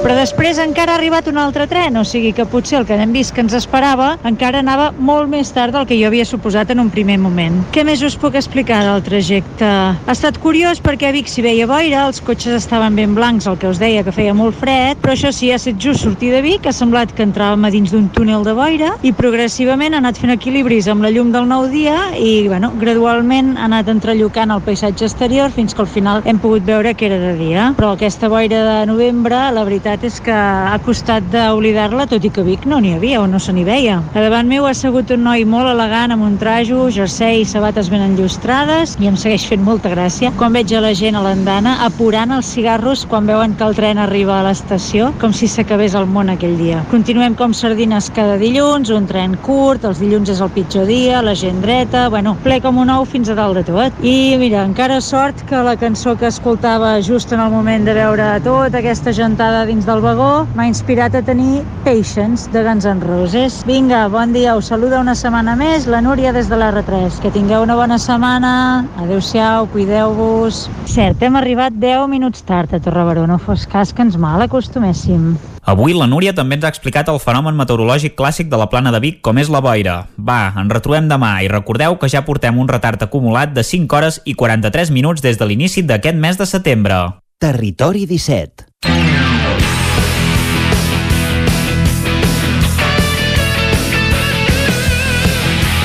I després de descobrir Catalunya, avui passant pel Vallès Oriental i d'anar a la R3, el que ens toca, perquè som dilluns, és acabar fent tertúlia esportiva. Una tertúlia, Vicenç, que avui compta amb els tertulians habituals, eh? Exacte, si et sembla, comencem en primer lloc saludant a l'Isaac Muntades, que és el que estarà més content aquest cap de setmana, perquè el Madrid ha empatat. Sí, i ha tret un punt més, bon dia, eh, per cert, I, bon i ha tret un punt més eh, al Barça, per tant és un bon resultat contra un rival difícil i amb un equip que estava en quadre per tant, sí, jo dono per bo el punt. Tothom deia que perdríem aquest partit de pallissa i, i no va ser així, per tant doncs content Home, sí que li, li treu, li treu un punt... Freixa. Bon dia. Li, li treu un punt més al Barça, però jo crec que amb aquesta fixació no, entre Barça i Madrid, eh, el Villarreal i la, la Real Societat, mm. l'Atlètic de Madrid... no em preocupen, no em preocupen, feina. punxaran Mm, Jo crec que... L'Atlètic de Madrid sí que t'hauria de preocupar, eh? Sí, i aquesta No em pre- no em temporada... preocupa. Uh, si fos una temporada normal, diguem-ne, mm, potser sí que pensaríem que la Real la fluixarà, que el Villarreal també, però jo crec que hi haurà tantes ensopegades que si van estant per allà dalt Mm. uh, es pot produir que, que arribin al final de temporada estan, estan en primers llocs i jugant-se la, la Lliga. Mm, a mi sí que em preocuparia, i és això, sobretot l'Atlètic de Madrid, uh, aquest projecte que fa uh, una dècada, no?, pràcticament que treballa en, en Simeone, Mhm. doncs potser eh, aquesta temporada serà una nova oportunitat per guanyar una altra lliga, ja la van guanyar. Jo mm, haig de dir que mm, penso que per primer, poc, primer cop des que hi ha en Simeone em va agradar l'Atlètic de Madrid jugant a futbol cosa que, que jo no havia vist tant com, com dissabte passat perquè era un equip eh, eh, més de, de, de, de, de rauxes i el vaig veure jo- tocant la pilota i jugant més a, a futbol per mi el moment Que que, aguantant la pilota quan ja tenien el marcador a favor. Sí. Sí, però és que no, abans no ho feien, això. I a més feien un joc directe, el que passa és que hi van haver poques ocasions, els, els dos porters no van tenir... Sí que van tenir, sí, protagonisme. Sí. Feina no gaire, però... Sobretot un. Exacte. Eh, eh, els bolets són aquí dalt, eh, el Berguedà i no, i no Madrid. I no Madrid, eh? però a part d'això mm, eh, vull dir, no, no va ser eh, que, que xutessin molt la porteria això és el que vaig veure jo de, dels dos equips i és això el, el que em fa pensar que l'Isaac potser té raó de que si el- l'Atlètic no s'espavila i, i no transforma ocasions eh, potser tindrà problemes No, i en el cas del, de la derrota del Barça, eh, sí que és veritat que el Barça va fer un partit mm, dolent, no va fer un, un bon partit, es va acabar decidint per aquesta jugada de, de Ter Stegen. Ter Stegen és un porter que, eh, si ho posem en una balança, ha donat tantes coses al Barça, tants punts, ha salvat eh, tants partits, i és, eh, podríem considerar-lo de, de geni de la seva posició, de, de, de la porteria, que eh, cada X temps fa alguna anada d'olla d'aquestes, eh? de, de sortir així o voler fer un passe amb el peu, una passada amb el peu a on no toca, per tant jo crec que se li ha de, de perdonar tot i que, clar, l'ensopegada deixa el Barça tocat. Um, realment ara mateix el Barça més a prop de, del descens que no de les primeres posicions amb, amb partits pendents, això sí que és veritat perquè si recuperés els partits doncs estaria, si no vaig errat, i els guanyés tots dos òbviament, estaria allà amb el, a la zona del, del, del Real Madrid. Però sí que és preocupant i aquesta temporada jo crec que serà molt feixuga per al Barça i a mi em recorda molt la sensació de, de principis de segle època Gaspar, no? Un, un equip que, que sí que tenia noms noms destacats, tenia jugadors joves que, que semblava que, que podien fer alguna cosa, era el cas de, de Xavi, de Puyol, que, que se'n parlava bé, però que tampoc encara tenien els galons que van acabar tenint i em fa una mica aquesta sensació entre estrelles que s'estan començant a pagar és el cas de Messi, és evident que s'està començant a, a pagar, això no vol dir que ja se l'hagi de, de retirar tenim llavors... Si s'ha si s'ha començat a pagar o ell mateix s'ha desconnectat. Sí, jo crec que potser aniria per aquí la cosa, que el que va passar aquest estiu sí que va sacsejar eh, És que jo diria que en, o sigui, el Barça pot aconseguir que Messi no marxi El que passa que no pot aconseguir que Messi, eh, que Messi es quedi content. Ja, o que no desconnecti, no? Eh, I llavors, és clar, mm, el futbol és un estat d'ànim. Sí, sí. Si tu tens una, una fàbrica d'embotits i obligues un treballador a quedar-se, potser la- l'embotit te'l, te farà igual de bé. Però, esclar, el futbol és una altra cosa, és un estat d'ànim sobretot, i si no estàs amb, amb, amb corda amb tot el, el que envolta el futbol, doncs eh, eh, desmarques i no hi ets. I em fa l'efecte que bueno, Messi ha de, va demostrar que no hi era. Home, si algú li paguen 100 milions per fer llangonisses, ja et dic jo que serà la mar de content. Seria Si no marxarà, eh? No, Segurament que no. Bé, de fet, a, a, la notícia d'avui és que el City diu que no li interessa Messi eh, en aquests moments precisament pel tema econòmic i per l'edat del jugador no? haver de pagar doncs 100 milions a un jugador de 33 anys sembla que la cosa no ara mateix doncs el club no la veuria amb bons ulls tot i que acaba de renovar Guardiola per dues temporades més. El que passa que Messi eh, s'està, diguem, eh, s'està rebaixant el sou ell mateix perquè és clar, el, el City segurament que a principis de, eh, pel mes de juny sí l'hauria fitxat per 100 milions i ara com que veu el rendiment que hi ha eh, no ho fa. Eh, la pregunta és en Messi en un altre equip en unes altres circumstàncies tornaria a ser més o menys el que era? Jo diria que el que era ja no, eh? No. perquè l'edat no perdona. Però o sigui seria, faria bastant més del que fa ara amb el Barça o no i Sí, sí, home, amb, amb, amb qualsevol altre equip ara mateix segurament que sí, que el Messi faria molt més del que fa amb el Barça, perquè el Messi no està a gust al Barça. Aquest és el problema, en Messi volia marxar a l'estiu passat, no va, es, va, es va posar en, rebel, en rebel·lia, no va aconseguir sortir i evidentment doncs, això s'ha plasmat al camp, doncs que no rendeix com, com ens tenia acostumat en altres temporades, està fent partits no gaire bons, eh, de tant en tant en fa un de bo, es veu aquest que a vegades sí que fa bones jugades i tal, però amb la definició, per exemple, no és el d'altres anys. Vull dir, pràcticament fins fa dos o tres partits només havia marcat de penal. Vull dir, les fallava faltes? ocasions... Sí, i, les faltes que, que de tant en tant o sigui el percentatge que entraven sí, sí, eren molts moltes. més Sí. i ara no n'entra Sí. cap Sí, sí es, nota, es nota que està malament mentalment, eh, diria jo, en el sentit de que psicològicament no, no acaba d'estar no acaba d'estar a gust i que vol, vol marxar i, i evidentment amb això que comentaven en Vicenç de que el City no el vulgui per, per l'edat eh, no, no sé quan cobra Messi a l'any, eh? no sé si són 100, 100 milions, heu dit que li hauria de, de pagar el City, no sé si, no sé si tants, però, però bueno, penseu que no hauria de pagar traspàs en tot cas, perquè ja aniria lliure el jugador, llavors no sé si això s'ho podrien permetre i està en Guardiola. El problema és que Guardiola ja ha dit que no, no, no vol que Messi marxi del Barça. Aquí jo crec que aquest és l'argument que pesa més perquè no vagi al City Messi, més No. que els altres dos, eh? però vols dir que no, en Guardiola que és prou espavilat no, no, no vol, no, en, en Guardiola no diu això no perquè Messi es quedi al Barça sinó perquè no, no el vol al City És que clar, uh, aquí també hi ha l'altre que és No l'encaix no? de,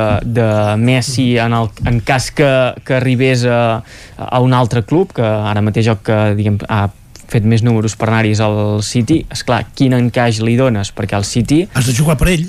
i de jugadors ara Mm. mateix que són referència n'hi ha en diversos. Uh, seria complicat, jo crec que més enllà d'això de, de rebaixar-se el sou de, de, de ser conscient de quin, de quin és el seu valor econòmic també hauria de ser conscient de quin és el seu valor futbolístic en un altre club. Jo crec que aquí al Barça el valor futbolístic es multiplica per tot el llegat i per tot el que eh, ara ha fet al llarg de la història eh, Messi per al Barça però si arribés a un altre club jo crec que hauria de ser ell qui s'adaptés a l'escenari on a- arribés i, i veurem si, si estaria disposat a, a això o si ho entendria um, agafar aquest rol més de secundari fins i tot potser jugar a, estones, no sé, indiscutible uh, tenint clar que està en el tram final de la seva carrera Mm. i que no es veuria el, el Messi de quan tenia 23-24 anys de cap de les maneres perquè Messi així ha de jugar tots els minuts o en Koeman Però ho va fer el dia del Betis, ho va Però- fer el dia del Betis, això que dius tu, Guillem, de sortir de, de refresc Sí. i, i, i de ser decisiu. Sí. I va anar bé per això, que poder Però sí que hauria d'anar per jo aquí el- la cosa. El que vull dir és que aquí a Can Barça potser pot eh, reclamar eh, mantenir la presència, mantenir l'estatus per tot el que significa, per tot el que és, per tot el que ha fet, que en un altre equip eh, aquestes demandes i aquest posicionament de, de superlíder superior a, a tot, doncs segurament no el podria, no el podria tenir i que si fa aquest pas doncs també haurà de ser conscient d'això, que arriba a un lloc, eh, el Chico Nuevo, no? el, el, el, el nou vingut i, i haurà d'adaptar-se al, al que hi ha. I a més un senyor que juga allò que dèiem, eh, contra el Betis, 45 minuts, eh, ha de cobrar 100 milions de, de Sí, pessetes a la- eh, d'euros a la temporada. No, però i, clar, això ja és, és el producte de, de, de un seguit de Sí, no, temporades, ja, ja, ja, no? però esclar, ha de renovar. Bueno, clar, ara estaríem en aquest punt de si va renovant o no va renovant, si se li va fent. Jo crec que és un dels temes que també haurà d'afrontar la nova directiva, com, com es gestiona el, el, el fenomen Messi, si és que ja se li diu tu, doncs si vas dir que volies marxar l'estiu passat, et deixem marxar o no. Uh, fem un acord de, no sé, de uh, vitalici al Barça i llavors t'integres a l'estructura tècnica o esportiva, uh, any a any, um, s'haurà d'anar veient. I llavors també hi ha un altre mm, fenomen que jo crec que és important, que tota la generació Messi, la generació que va triomfar al Barça amb, amb Messi al capdavant, també estan eh, apagant-se a poc a poc. Aquest cap de setmana jo crec que hem viscut... trencat, no? Sí, eh, exacte. Sí, l'ú- l'últim ja ni s'ha pagat, s'ha trencat directament. I amb una jugada eh, desafortunada Sí, mala sort. Sí, la, mala sort Fa molt de veure, eh? sí. sí. però jo crec que estem vivint eh, en un moment de punt d'inflexió en la carrera de Piqué que Piqué eh, li costarà eh, tornar a, a Sí, situar-se com, el, com el central de referència del, del Barça tenim Busquets que també el veiem que ja no és el d'abans Sí. que, que girava el cap 20.000 vegades eh, en un partit i rebia i donava i defensava i atacava eh, per Sergi tant, Roberto també, que també està Sí. de baixa. Sergi Roberto Dembélé em sembla més- que també s'ha lesionat. Bueno, això no és notícia, eh? Totes, no. Totes... Aqu- Aquest i un del Madrid que porta el 7 tampoc. Però, però De- Dembélé és la gran recuperació de la temporada, no? si té continuïtat però clar, és que és el problema, no? A la que va, es va fer mal a l'espatlla sí. va desaparèixer perquè a la, a la segona part ja no hi va ser. Bueno, clar, perquè suposo que també notava el dolor de la de l'espatlla i li, li arrenquejava el, el braç. Però eh, No sé, sí, vaja. pot ser el gran fitxatge si té continuïtat. Uh, i si se li donen els galons que, que potser ha perdut una mica Messi, diguem-ne, o que no ha sabut uh, assumir Griezmann. Amb el paperàs que va fer el Barça, de totes maneres, dir, dissabte que les declaracions sí. les, les fes un nen sí, de 17 anys també és gros, eh? Mm. En Pedri ha de, hagi de sortir eh, a parlar després del que va passar eh, en el Wanda. Això, Bueno, això és, és increïble. En Piqué no podia, estava lesionat, pobre, i no podia Ah, parlar. això, I, en, i, en, I en Messi està enfadat, i clar... Llavors... Però és el que et deia que, que em recorda a, a l'època fosca de, de Gaspar, en què hi havia un, un desgovern total i en què eh, ningú assumia el, el lideratge en moments eh, difícils fins que hi va haver el canvi de torn, va arribar Ronaldinho i va començar una mica eh, tot a, a, a canviar. Mm, ara mateix al Barça eh, hi ha desgana, hi ha desgovern Sortir d'aquesta serà més complicat, però Sí. perquè a més a més hi ha la pandèmia pel mig. i la part econòmica, que jo crec que segurament, Sí. no, ara no recordo els números de, del 2003 quan entra a la porta, però segur que no estaven com ara, ni havies de competir amb els jeques, que aquesta és una altra, una altra Sí. variable important. Perquè Perquè, això també va pel Madrid, eh? Perquè Sí. els gols eh, també es troben a faltar, eh? Sí, sí, clar. Bueno, però... La, la, però una dada a tenir en compte, eh, que Mariano que no juga pràcticament quan No, juga fa quan gol, juga. vull dir que que vull dir que he mirat números i, i realment ha jugat, no sé, en els últims anys, eh? en els últims 3 anys, no sé si són...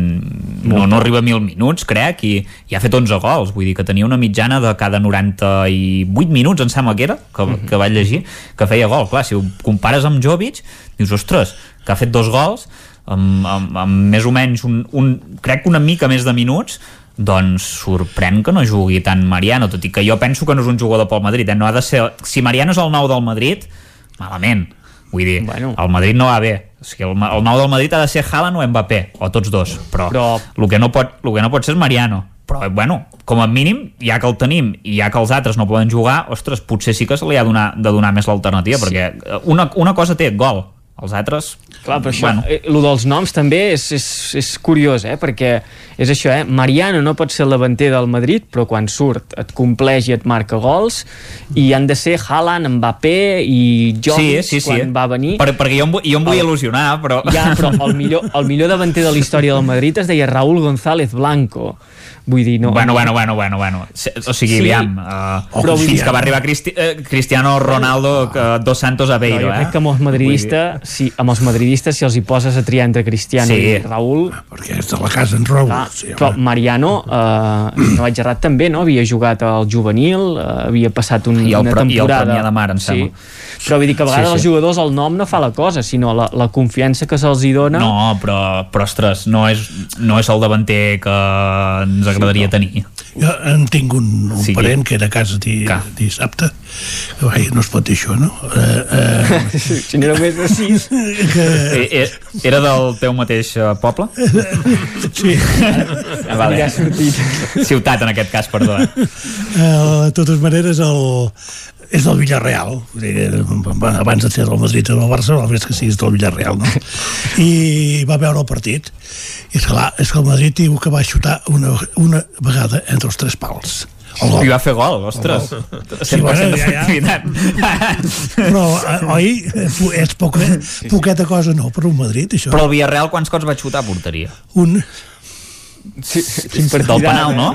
Un, pen, un penal que, per cert, eh, m'agradaria dir-ho, eh, perquè ja que parlem dels penals contra el Madrid, sí. estaria bé que si, si apliquen eh, que repeteixi, per exemple, un penal quan entra un jugador dins de l'àrea, estaria bé que ho apliquessin a tots els partits, no només el del, el del València, també en el del Villarreal, perquè es veu clarament que un jugador del Villarreal entra a l'àrea abans de que xuti el jugador i per tant s'hauria d'haver repetit el penal. Dit això, com sempre, doncs el Madrid va sortir perjudicat. Ara em pensava que anaves a, a reclamar el penal i anava a dir, ostres, no sé per on ho agafarà això, però... Perquè... No, però que s'ha- que s'hagués repetit, no? Ja es va repetir el dia del València, també. Mireu la imatge, jo us la puc passar. Segur, segur que té tot el frame allà eh, captat, no sé... Uh, el, el Madrid és això, li falta pólvora, el Barça també, jo crec que estem en una lliga força mediocre aquest any, la lliga eh, espanyola. Tant de bo la guanyi la Real Societat, la Lliga. Sí, senyor. Sí, senyor. Tant de bo. Sí, senyor, m'agradaria molt, a més. Però no, no, no es donarà aquest cas, però m'agradaria molt que, que, que la, deixi, la deixessin de guanyar els de sempre. I Guardarem aquest tall. per projecte, no? també perquè eh, l'entrenador mateix, en l'Imanol Alguacil, eh, és un, un entrenador que, de la casa que el van posar quan van fer fora Eusebio, el van treure quan van fitxar, crec que va ser a, a Garitano, que venia del Leganés, no va anar bé, el van tornar a cridar amb ell, sempre s'hi va posar i, i ara, ostres, eh, l'equip funciona, juguen bé, amb, amb gent de la casa, amb, amb, amb gent eh, jove. De la casa jo em diria que un dels el més important en aquests moments és, és en Silva que eh, ha donat aquella cohesió que li faltava al mig del camp de, de la Real i a mi m'agradaria molt que un equip basc guanyés eh, la Lliga i contra que l'Atlètic de Bilbao és, no està per la labor vull dir, no em faria res que que per una vegada els dos equips de, de Madrid i el Barça doncs quedessin a darrere d'algun altre equip Sí, clar, perquè no hi ha l'Espanyol en aquesta, Oh, en aquesta lliga. Evident- evidentment. Vas, vas passar-ho malament divendres Sí, sí, sí, vaig passar-ho malament perquè eh, el que passa és que eh, encara estaven 1 a 0 i vaig pensar, mira, si el Girona empata eh, llavors potser es posaran les piles i veuran que això no pot ser que no n'hi no, no ha prou amb marcar un gol i, i posar-se a dormir i no fer res més. Però esclar, llavors els del Girona us vau passar molt però eh, Donald, Donald Trump. però m'agradaria molt, m'agradaria molt que, que servís de lliçó i que els partits no es guanyen només marcant un gol i, i, i anar-se'n a dormir, sinó que mm, s'hi ha de ser i que mm, quan guanyes 4-0 llavors doncs mira, dorms. I si te'n fan dos doncs ja és una anècdota. Però esclar, si guanyes 1-0 i te'n fan dos resulta que perds. Sí, no, home, jo crec que aquest partit, el, el Girona té molt mèrit el que van fer per com arribaven en el partit, com van eh, lluitar per la proposta de, de l'entrenador del Girona, de Francisco, posant eh, jugadors eh, realment molt joves a sobre el terreny de joc, tots amb vocació ofensiva, perquè tant eh, hi han Couto, el lateral, que, que s'estrenava com a titular, a davant Patxón, aquest en, en Moreno, són super joves i tots amb, amb vocació ofensiva. Va tenir molt mèrit aguantar a, a l'Espanyol i llavors aquí jo crec que sí que és uh, errada de, de l'Espanyol de no, quan tenien el peu al coll uh, en el partit, després de l'1-0 no acabar-ho de, de rematar jo crec que si pel Girona és una injecció de, de moral i de, de que hi ha plantilla per, ja no et diré per optar a l'ascens, però sí que per estar potser a la part alta, que a principi de temporada era com eh, una decepció, aquest any serà eh, anar a no baixar, jo crec que hi ha una plantilla eh, prou consistent i prou motivada i prou engrescadora com per, per estar a la part mitja alta de la classificació. En l'Espanyol jo crec que li ha de servir de, de lliçó és que ja, ja hauria d'haver servit eh, Fuenlabrada, eh, havia d'haver servit Tenerife, havia d'haver servit eh, Rayo Vallecano, i tot això no ha servit. Aviam si aquesta vegada i amunt de casa, eh, havent passat a casa, aviam si aquest cop serveix. Sí. També haig de dir que si algun equip m'agrada que, que ens, ens foti, doncs és el Girona, evidentment. Mm. No, i que si s'embolica la cosa i acabes en un play-off així, és que és molt perillós, molt, molt, molt perillós, i jo crec que en plantilles tan potents com el l'Espanyol, si les coses comencen a torça també pot ser perillós, perquè... Això ja ho sabeu, els del Barça. Què vols dir? home, plantilles tan poderoses i calés de manta i llavors feu sí. temporades com la passada i com aquesta. No, però I que... com aquesta que està en descens, quasi. Jo el que vull dir és que si has d'anar a, a enfangar-te i a, a, a jugar partits a, allò molt físics, molt durs, a, obligat a guanyar perquè la classificació t'obliga sí. que pot costar l'any passat al Girona de 6 punts n'hem fet un i encara som líders vol dir que ens hem de posar les piles, fer les coses bé, matar els partits i acabar la temporada com sigui per, per tornar on, on, sí. ens, on ens bueno, toca. El problema és que és molt llarga, no?, la temporada. Que passa que aquesta temporada emprenya més perquè eh, podíem mm. fer... Podíeu estar per davant del Barça. Eh, exactament, podia... Sí. podíem complicar les coses al Camp Nou i tot plegat i ara, ara, sí. mira, ara, ara no hi som. Sí, bé, el que hi ha hagut aquest cap de setmana és un derbi, Lluís no en vol parlar perquè el Barça va guanyar l'Espanyol 1-0 a l'Hockey Lliga Plata. Ens, hem, ens hem de conformar amb això. Vale, vale, acabem, acabem aquí. eh? aquesta tertúlia amb en Lluís de Planell, en Guillem Freixa i l'Isaac Muntades. Adeu adeu i ara toca dir-nos adeu. Acabem també un territori 17 que hem fet la Clàudia Dinarès, la Caral Campàs, en David Auladell, l'Isaac Muntades, en Pep Acosta, l'Isaac Moreno, la Txell Vilamala, en Jordi Vilarrodà, l'Òscar Muñoz, l'Ester Rovira, la Natàlia Peix, l'Arnau Jaumira, la Núria Lázaro, en Jordi Sunyer i en Vicenç Vigues. Nosaltres tornarem demà, com sempre, fent-vos companyia des de les 9 del matí fins a les 12 del migdia. Adeu. Ciao. Territori 17 un magazín del nou FM. La veu de Sant Joan, Ona Codinenca i Ràdio Cardedeu amb el suport de la xarxa. El nou FM.